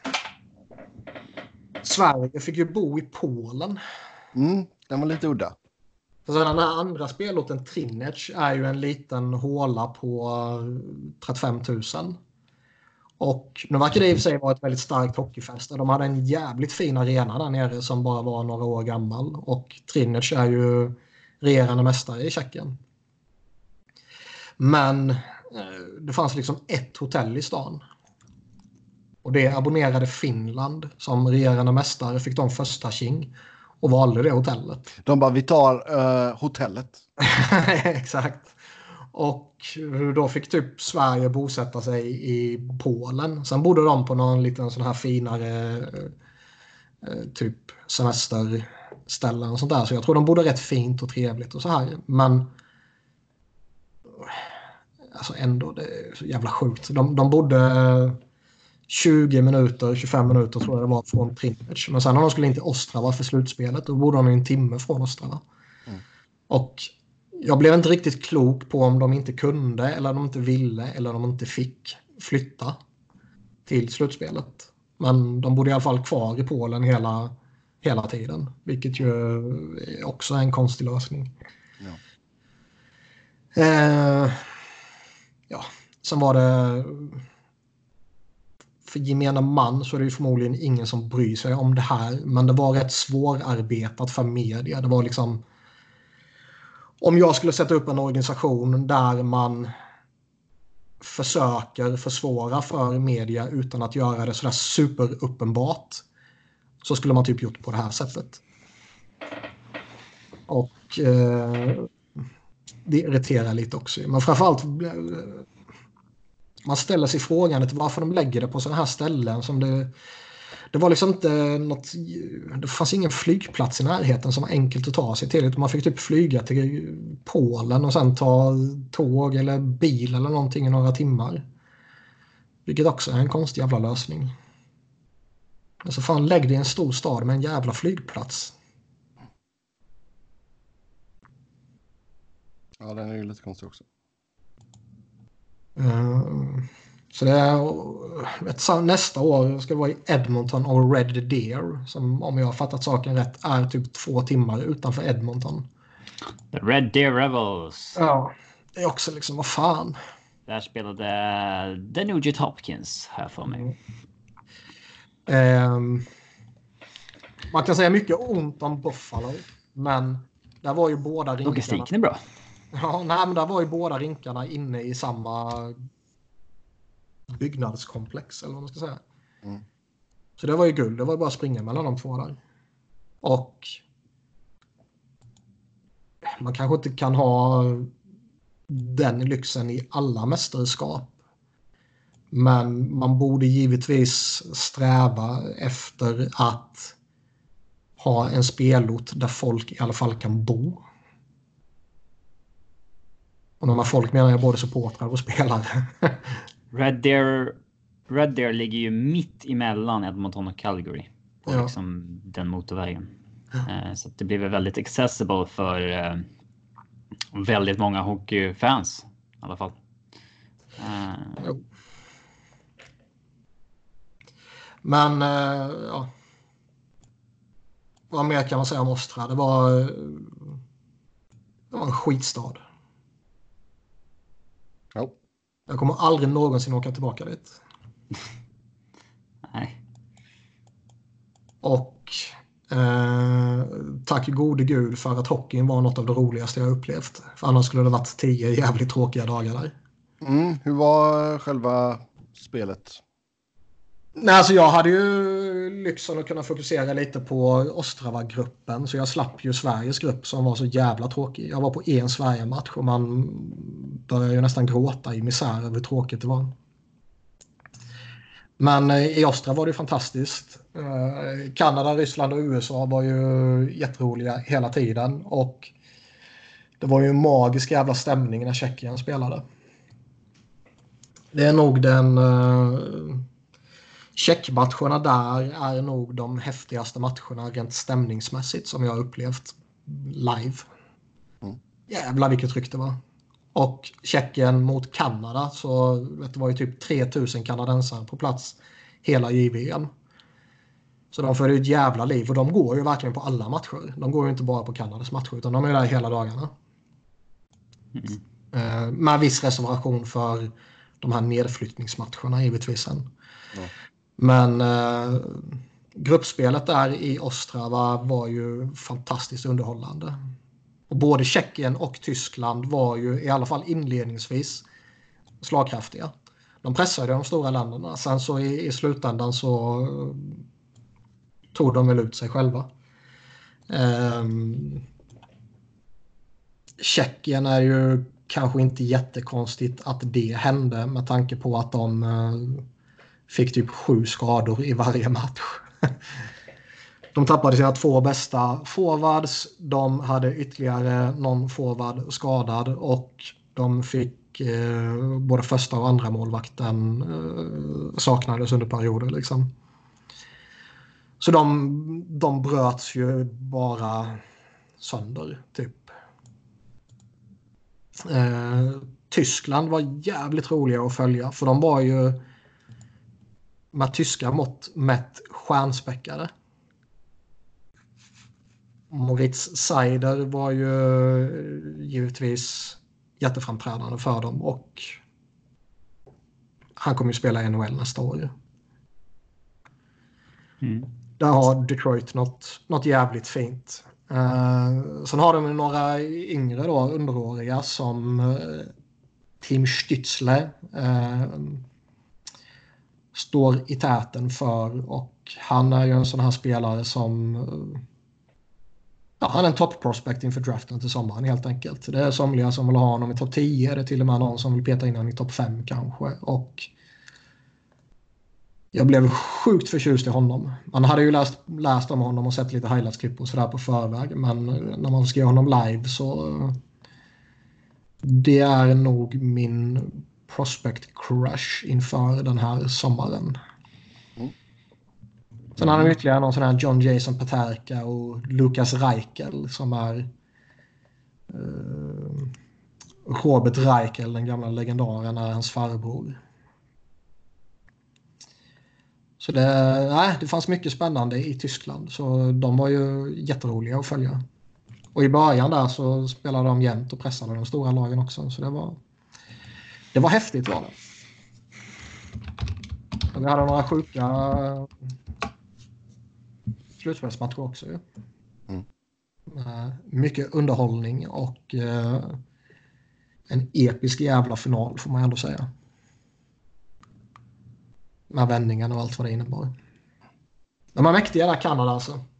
Eh, man slås av det varje gång de gör sina så här forceringar och vändningar att fan, det finns typ ingen annan nation som kan göra det. Ja, men tittar man på vilka namn de eh, eh alltså har. Nej, de gick ju in som guldfavoriterna i turneringen. Ja, alltså titta på vilka namn de liksom petar inför turneringen. Det är liksom. Eh, det är löjligt egentligen. Ja, men så är det givetvis. Och, uh... Jag tror att Alex Newhook som är uh, ja, den som Elfs tog i första rundan i somras som inte kom med. Han hade nog varit första center i Sveriges lag till exempel. Helt klart. Uh... Och det var jävligt häftigt att få se Lafreniere live. Dra åt ja, helvete vad bra han är. Ska inte snacka ner Conor McDavid här, men... Uh... Conor McDavid är ingenting jämfört med Lafreniere. jag vill minnas att McDavids JVM inför draften inte riktigt levde upp till uh, Fast de jag har enorma för... förväntningarna. Men Eller? visst, visst Eller jo, så. andra gången. I och för sig, ja. Det var första JVM han spelade som det var liksom inte riktigt lyfte som många hoppades. Men inför draften, det gjorde han ju 11 poäng på matcher. Det var väl det som gick i Kanada. Jag tänkte säga hans första JVM där, jag för mig att han hade en väldigt liten roll då. Ja, Men att han var en av de ledande i sitt andra där. Men Lafreniere var, han var ju på en annan nivå liksom. Ja, han stärkte ju sina odds att gå etta. Oh, ja. Eh, befäste ju den platsen ganska hårt. Uh, han måste ju krascha något fruktansvärt under resterande del av säsongen för att han inte ska gå etta. Ja, eller komma ut som pizzahatare eller någonting. Som så att eh, det börjar ringa varningsklockor. Ja, jag tror seriöst, han, han, måste sluta spela hockey. Och säga att jag kommer aldrig mer spela hockey för att inte gå som etta. Det äh. enda som... Mm. Ja, våra...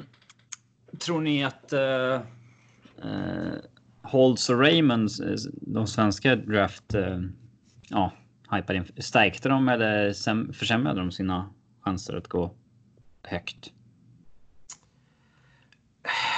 Jag skulle vilja säga varken eller.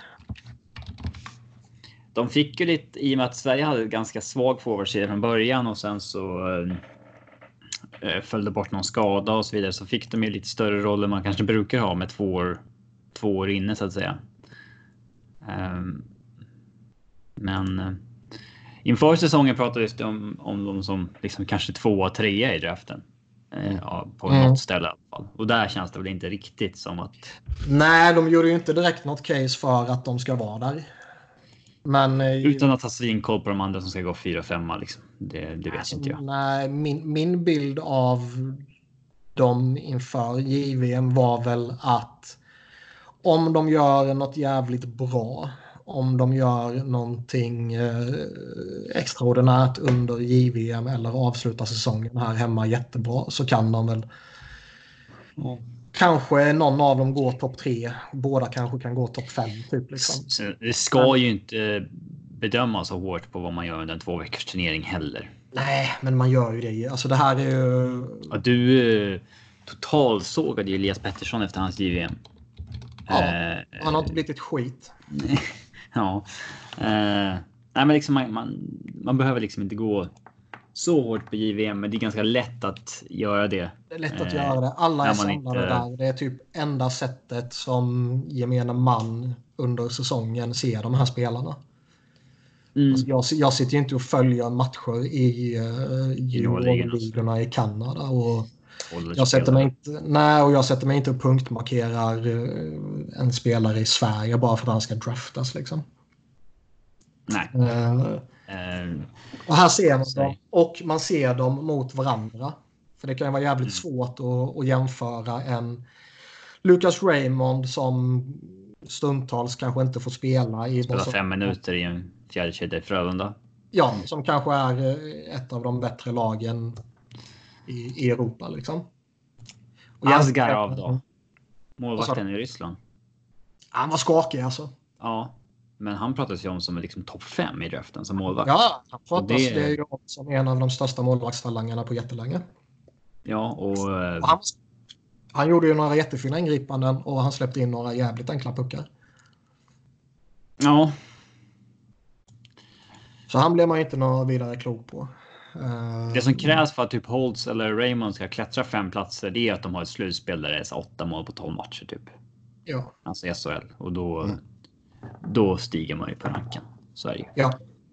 Och frågan är väl om någon av dem har... Man, ja. eh... de, de, är ju en jävligt tuff omgivning. Det känns som att det kommer vara andra mer etablerade spelare som kommer få de där chanserna om man säger så. Eh, Djurgården skickade ju ner Holtz och spelade två stycken J20 matcher den här säsongen. Det blir sju mål. Mm. Det säger en del om alltså.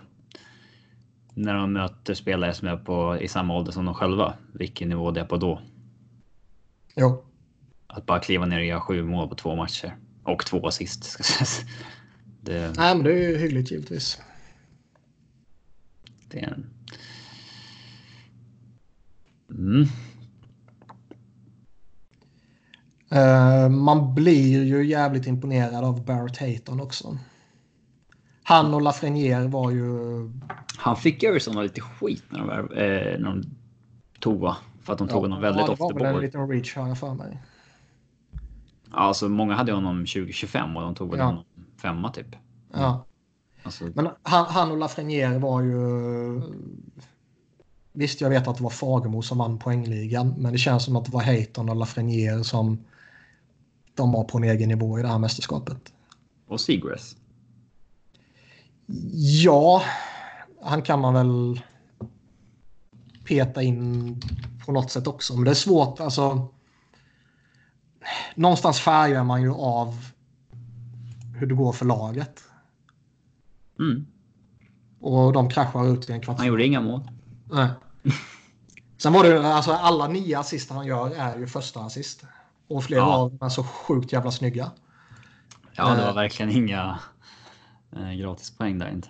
Det var så jävla underhållande att se honom. Han var verkligen jätterolig. Eh, det var skoj att se Dominic Bock också.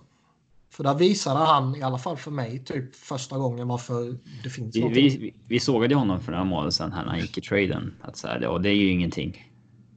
Nej, och jag menar hittills har det ju knappt varit någonting. Han har inte nu gjort några superavtryck i Rögle den här säsongen direkt och han har väl inte riktigt gjort det i Växjö tidigare. Säger man inte Rögle? Eller säger man Rögle? Jag säger Rögle, jag skiter i vad andra säger. Jag säger också Rögle, men pratar någon från Ängelholm så säger man Rögle. Ja, Rögle. Skit, skiter jag i. Men... Äh... Jävligt eh, militantiska med det, så passar ja. om du... Ja, nu som offentlig person kommer till Ängelholm.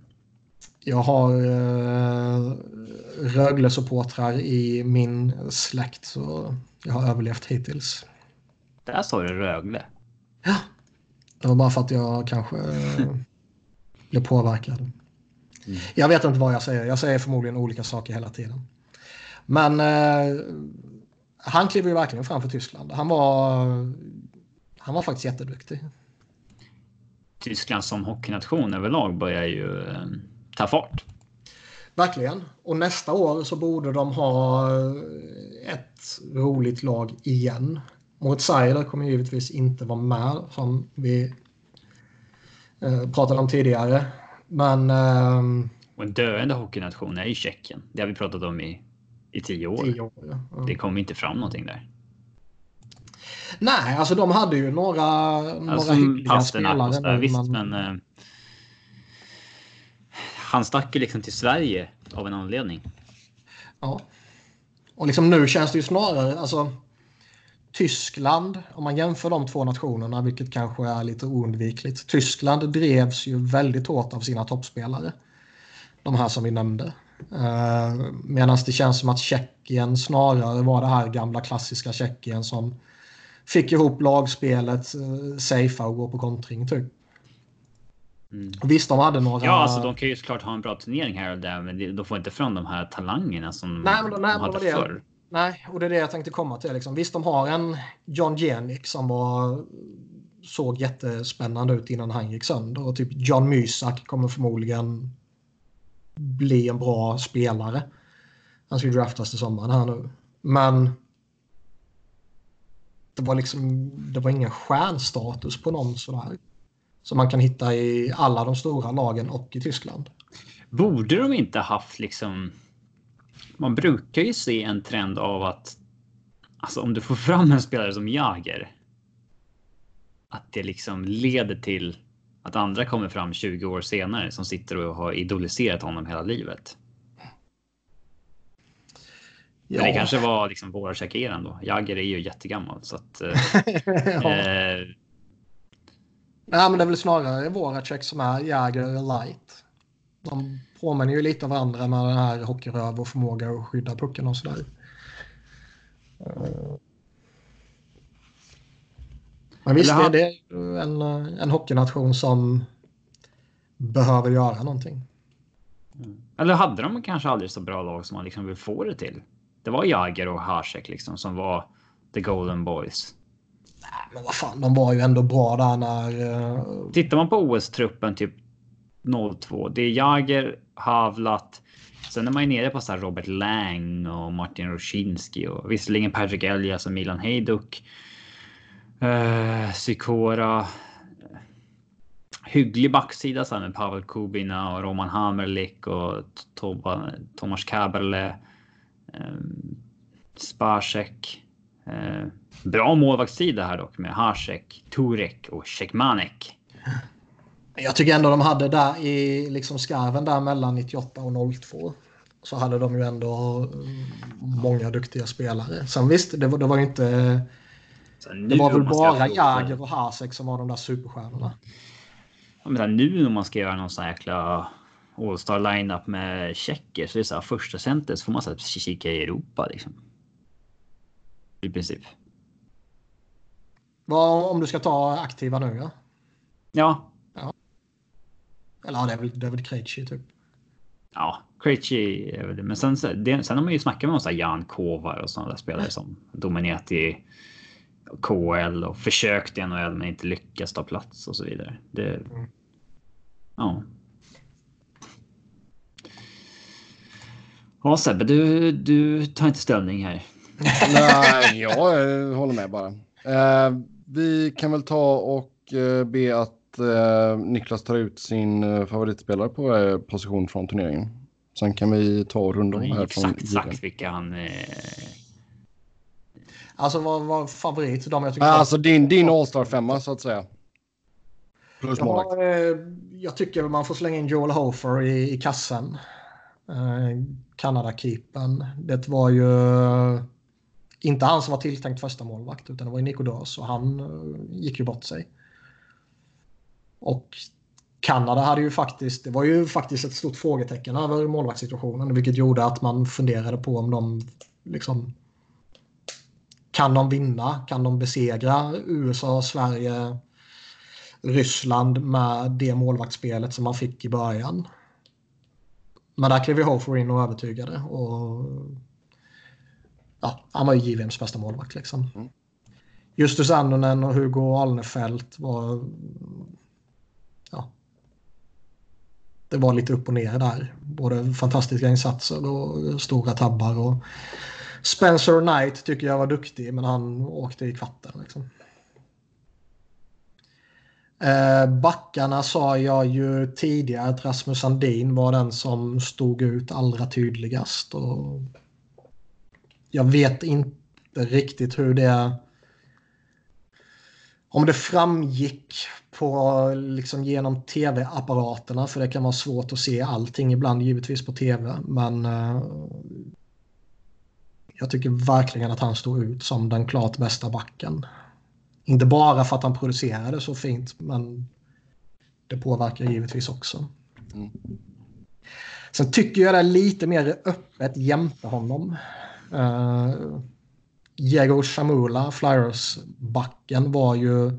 Den kan du inte kuppa in. Han var ju jätteduktig i Ryssland, spelade mest i Ryssland. Uh, men Romanov var givetvis jätteframträdande också. Och jag tycker väl att det är typ dött lopp mellan de två. Jag tycker de, liksom, Sandin var liksom etta, de två är tvåa och trea. Vem vill man ha tvåa, vem vill man ha trea? Det är typ skitsamma. Eh, men jag är färgad och väljer Samula då givetvis. Sen är det ju som jag sa tidigare, Barrett Hayton, Lafreniere var ju JVMs bästa forwards utan någon större konkurrens tycker jag. Sen eh, vill man ju peta in Trevor Seagrass men eh, gör man det efter att han åkte i kvatten? Ja, inte hans fel. Ja, kanske. Han gjorde ju ingenting i kvatten. Men jag, ja, jag petar in honom. Han var nog den... Eh, de, de tre var de, eh, de som både var roliga att titta på och som var bäst. Liksom. Sen finns det typ en Fagemo. Han klev fram och gjorde en jättebra turnering. Denisenko i Ryssland tyckte jag var väldigt framträdande. Bock nämnde vi. Uh, Conor McMichael gjorde det jävligt bra i Kanada och, och fick ändå harva lite i en fjärde kedja rätt långa stunder. Shane Pinto i um, USA var, var också framträdande. Höglander måste man nämna såklart. Ja. Men, snacka Zorro? Ja. Ska vi snacka Zorro? Vad ska vi snacka? Eh, jag tycker väl att han gjorde det mest imponerande Zorro-målet hittills när han gör det i så hög fart som han gör eh, ja, i första matchen där. Att han liksom inte stannar bakom mål och gör det utan att han gör det i farten så att säga. Mm. Och det är ju. Tror ni att det kommer bli någon snack om att liksom att eh, nu när det skett i NHL några gånger också att liksom ja, göra någon form av regeländring som sätter stopp för det där? För det känns så liksom icke hockeymässigt på något vis. Ja, visst sa vi det tidigare att eh, eller var det när jag pratade med någon annan och inte poddade att det känns oundvikligt att NHL kommer förbjuda det här för det är eh, det är förnedring, det är inte hockey tycker NHL förmodligen. Det är ju. Alltså, om många lär sig det. Det tvingar ju försvararna att tänka på ett helt annat sätt. Alltså i. Att båda ja, och, och, och måste nästan ner. Ja, måste ju nästan ner bakom för en blå. Skydda, skydda krysset med huvudet liksom. Ja, eh, det. Ja, ja men det är, det är ändå innovativt och coolt. Jonathan Lindqvist sa att han inte liksom. Är så imponerad av det. Eh, att han liksom, äh, det är ingenting som fick honom att hoppa upp i soffan. Liksom. Eh, svårt att förklara varför. Jag börjar ju känna så med en annan eh, move inom hockeyn nu. Ni som följer mig på Twitter vet säkert vilken. Och det är den här. Målvakten räddar öppet mål med att sträcka ut klubban när den träffar klubban. Mm. Jaha, ja det är så det sitter de. Att det är typ tur. Det blir mål 99 av 100 gånger. Den 100 gången är det bara det är, det är inte en bra räddning. Det är en bra tv-räddning är det. Men det sker ju alldeles för ofta för att det ska vara en så stor grej som vi gör det till. Det är ju snarare uselt av forwarden är det väl oftast i ett sånt läge. Men det kan ju vara Nej, det är det inte heller. Sätter du den på mål så det är klart att du kan träffa den enda pinnen som är där om du har jävla oflyt. Men, Absolut, mera... men, om, man måste, om man måste peka ut antingen forwarden som syndare eller målvakten som hjälte så tycker jag det är mer forwardens skuld. Ja, så är det men det är inte. Det måste inte vara någon som ska slaktas.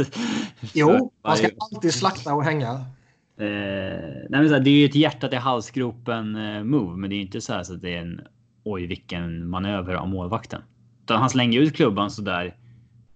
När det är en crossover och skott. Ja, 99 gånger av 100 och en gång av 100 så träffar han klubban. Men det sker så pass ofta så att i princip varje vecka har vi någon GIF på en sån där räddning. Antingen från NHL, från SHL eller från KL eller någonting. Och det är ju inte så jävla speciellt. Ja, nej, jag är med på vad du säger. Det, det är ju mer... Um, det är ju mer att man bara slänger sig i panik och fläker ut uh, klubban. Ja, det är inte, det är inte som att han har tvärtom, att du slänger ut plocken och nyper den. Nej, jag tänkte säga det. Jag är mer imponerad av en sån där vet, en supersnabb passning genom slottet och direktskott i tekningscirkeln och målvakten hinner svänga över och flänga upp plocken och ta skiten. Liksom. Då måste du ändå nypa den också. Ja. Alltså, du, att den bara träffar klubban som du sticker ut, det är ju bara 100% flyt. Och, alltså framförallt sker det så jävla ofta så att det borde inte vara så speciellt när det sker. att det är liksom en GIF som får 10 000 likes. Nej, jag håller med. Mm. Yes, då tar vi och glider in på några lyssnarfrågor. tv-räddningar är tv-räddningar. Det är, inte, ja, det är vad det är liksom. Uh, ja, lyssnarfrågor, tack som vanligt till er som har skrivit in. Uh, Noel Asiaris säsong måste hyllas. Det var första punkten på den. Och sen andra punkten var vilken andra right-winger borde Boston gå efter innan deadline? Han är en sjukt mäktig statistikrad. Eh, 17 plus 4 tror jag där. 17 mm. plus 3 är det. Ja, Brandon Peary stats. Uh, det. Det, 17 plus 3, är ju så jävla mycket coolare och bättre och häftigare än 17 plus 17. Ja, det är det väl. Nej men seriöst. Ja, men det, det, grejen är att han har gått miste om massa andra assist som man brukar få på köpet. Det är väl det enda. Ja, det, givetvis. Men, inte... men eh, det, det, är något jävligt charmigt med sådana statistikrader tycker jag. Det är charmigt med spelare som gör fler mål än assist kontinuerligt. Ja, ja, men just när det är sånt här extrema skillnader. Det är det som liksom typ 17 plus 10. Det skulle man inte bry sig om. Då, då reagerar man ju knappt ju. Men 17 plus 3, det är, det är coolt är det. Mm. Ja, och sen eh, vilken eh, andra kedjes right winger borde Bruins gå efter? Ja. Chris Kreider. Ja. Han känns ju jävligt Boston-kompatibel. Ja. Sen... Men, ja. I och för sig nu... Ja. Vad ser man honom som winger eller center? Alltså... Alltså det är Kreider som känns väldigt Boston. Ja. Nej men Gashenak hade funkat som winger, det tror jag. Ja det tror jag, men... Uh... Plus att du har lite flexibilitet där också ifall du är tvungen att säga att du åker på någon skada på uh, typ Krejci eller någonting. Jo, givetvis. Ja. Men visst, Kreider, absolut. Eh, hur skulle ni formera femmorna i Pittsburgh om alla skadade spelare kommer tillbaka? Jag hade räknat ut Pittsburgh innan säsongen och med alla skador en solklar plats utanför slutspel? Frågetecken. Vad har skett? Frågetecken. Eh, de brukar alltid vara bra när de får mycket skador. Alltså de har en... Det har varit ett fenomen hela Crosby-Malkin igenom. Um, men... Um, till början med de kommer aldrig bli helt skadefria. För det blir man inte. Det är en utopi. Det händer ja. inte. Ja, de är ju välcoachade också tror jag. Jag ja, tror att Mike, Mike Sullivan, verkar vara en oerhört kompetent ja. Och de har ett, eh, som vi var inne på tidigare, fantastiskt målvaktsspel. Mm. Och liksom har, har man en av Crosby eller Malkin och de är i en formtopp så det underlättar. Hur man skulle formera kedja, alltså det. Ja, jag ser inte tillräckligt mycket Pittsburgh för att veta vem som bör spela med vem. Alltså det. Men eh, alltså Brian Rusts framfart i år är ju oerhört imponerande. Alltså, den såg väl ingen komma. Men det här visar ju vad som kan hända om du ger en spelare som. Ja, han har ju spelat andra fjol tidigare. Nu får han mer istid. Med förtroende. Kessel är inte där. Då... Han har ett career high nu i poäng och har inte ens gått, han bara spelat 31 matcher. Mm. Uh, jag trodde ju att när, uh, när Pittsburgh tvingades ge upp en av Connor Sherry och Brian Rust av cap-skäl, då tänkte jag att de valde fel. Mm. Jag var mer förtjust i Connor Sherry, men uh, där verkar de ha gjort alldeles rätt.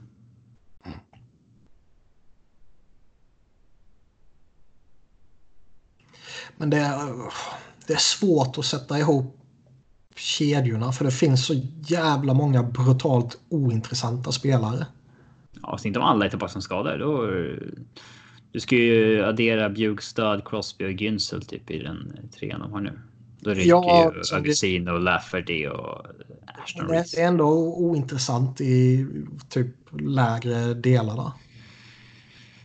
Ja, det blir väl Tärne och Galchenyuk i fjärde. Eh, Ja. nej. Man sätter vi Crosby och Gintz eller första. Såg ni vad som hände i natt förresten?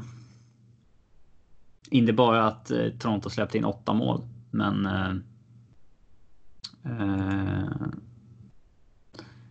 att Jonathan Huberdeau Ja, poängbästa i Florida. genom Mm. tiderna. Det är ju rätt tragiskt kan jag tycka. Alltså, alltså det säger mer om Florida än, än det säger om. Eh, Det är ju en misslyckad organisation. passera Olli Jokinen. Ja, det är ju skönt att inte han är etta längre fall. Varför, dessa, varför är det sånt hat mot Olli Jokinen hela tiden? Vad har han gjort? Vad har han gjort dig Sebbe? Ja du, kan ni lista Du ut kommer det? ut och tar ställning. Det är skönt att han inte... Jaha. Jaha. Men jag menar, alltså är, är han uppmålad som någon jävla jätteflopp i LA eller? Ja, För alltså jag associerar ju inte honom med LA överhuvudtaget. nej, Tradade det han? förstår jag. Till, till Islanders. Väldigt ung. Ja. Fan vad så Men är liksom... Ja, men, ja, han gjorde en säsong som liksom 20 poäng på 60 matcher i slutet på 90-talet. Ja. Ja. Ja. Bast. Bast för dem. Nej men det är så eller jag... jag, jag har Ja, ingen- det, är- det, alltså, det är ju där min, det är ju där, det är ju där min avsky för honom eh, Ja. härstammar. Nej, men för jag menar, han, han kan ju bli bortbytt för att han var en flopp och man bara fan dra åt helvete. Ja. Eller, eller så, ja du vet en hockey trail eller whatever. Saker som skedde Är Olli 90-talet. Jokinen liksom en eh, väldigt underskattad spelare i hockeysammanhang? Nej usch. Alltså killen har gjort 750 poäng i NHL. Det är inte många som har det. Sen så hans Han poängsnitt ju sabbas lite av att han avslutade så svagt sista åren och liksom hankade runt och. Eh, Han hade ju några riktigt bra år i Florida. ja, och eh, 60 poäng i Calgary några gånger och sådär. Det... Men ja, tre säsonger i Florida efter lockouten. han Låg runt 90 poäng. Skojar man inte bort. Eh, så- så- 1231 matcher. Sex slutspelsmatcher. Ja, den, det är den som pajar hans legacy alltså. Jaha. Att ingen, att aldrig ens har varit i slutspelet princip. Nej, det som pajar hans legacy är ju att han har sex matcher. Ja, nej. Alltså det, det vore ju fan så mycket coolare att ha noll matcher än att ha sex matcher. Ja, det har varit coolt. Undrar vem som har gjort flest matcher i NHL men som har noll matcher i slutspel. Mm. Ja, det är ju bara att börja gräva. Uh, ska vi se, vi tar... Ja, Uh, nu är alltså Huberdeau som är mest Ja. poängbäst i Florida genom tiderna på 420 poäng. Mr 420, Jonathan Huberdeau. Sådär ja. Yes, Barkov blir ju trea också så det, kan ju Ja. hända del här. absolut. Ja, sista frågan för idag. Nu när Shesterkin, eller Sh- Shester, ja, Shesterkin, har debuterat och hypat upp något enormt efter premiären, vad tror ni Georgiev kan ge utbyte hos till exempel Sharks? Eller finns det någon annan aktuell målvakt som står högre i kurs?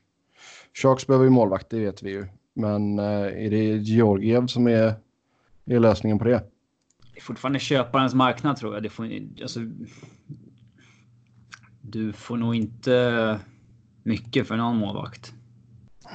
Youth team, Pingvini Moskva. Den är fin. För jävla namn. Ja, det är det. Moskva Penguins, de hatar vi. Mm. Ehm. det, det, svänger ju jävligt mycket. Går, nyss var det Georgiev som skulle peta Henke och ta över i New York. Och nu är ja. det han man ska skicka bort för att eh, nästa kommer, kommer Igor! Mm. Eh, ge det en månad, sen är det Georgiev som är hypad igen kanske. Men eh, jag, jag, tror det är en ohållbar situation att behålla alla tre i NHL. Man blev Den... ju lite... Man blev ju... Vad sa du? Den de inte vill ha kvar är ju inte någon av dem. Egentligen. Du menar att det hade varit passande ifall detta var sista året för Henke och sen hade man haft uh, Igor och Alexander? Så är det Det passande hade ju varit om Henke ville bli tradad. Ja. Men, men ja, eh, absolut, givetvis. Men, men jag tror liksom ändå att alltså när det kom fram att de hade kallat upp honom här för en vecka sedan eller vad det nu var så eh, direkt så börjar man ju liksom, oh, har vi en trade framför oss? Och då kanske framförallt Georgiev man tänker på. Eller är det någon som är sjuk eller någon som är skadad? Men det verkar ju som att de, nej, vi kommer köra med tre målvakter. Och det är någonting som man inte brukar vara man ser ju sällan det för att det typ försvårar på träningar och så vidare. Och man brukar inte gilla det upplägget. Målvakterna brukar inte gilla att behöva snurra och så här. Nej. Och det känns ju som att Henke inte liksom kommer tycka det är så jävla skoj. Och jag tror ju inte att Rangers kommer ignorera vad Henke tycker och tänker och vill. Nej, han har, ju, han har ju klausul. Nej, men jag menar liksom. Eh, jag menar inte i, i, trade utan jag menar att eh, om han vantrivs på träningarna och han säger det så tror inte jag att de kommer skita i det bara. Jag tror han har, jag tror han har jobbat upp ett sån pass anseende i organisationen att eh, de kommer ta hänsyn till vad han vill. Ja, såklart. Eh, men visst, det skulle givetvis underlätta för dem om han accepterar en trade till någonstans. Problemet med det är ju att det är väl rimligtvis ingenting man kan göra under säsongen med tanke på hur, hur, hur stor kostnad det är. Capit. Kan man mm. retaina? Ja. Det är inte aktuellt ändå, men ja. Så det kanske vi ska lägga tid på. Uh, ja. De har, de har retainat på Namestnikov så de kan ju ta två till. Mm. Både han och Kreider. Ja. Men... Alltså Henke är ju fortfarande en klart kompetent målvakt. Men...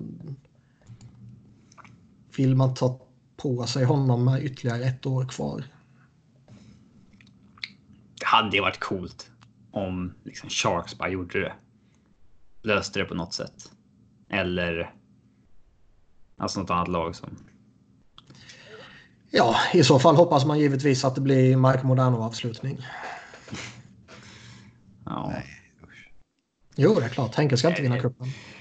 Ja, men det är klart lite coolt om han gjorde en Ray Bork någonstans, men det, det känns inte som Nej. han har. Uh, det finns inte den luckan någonstans. Nej.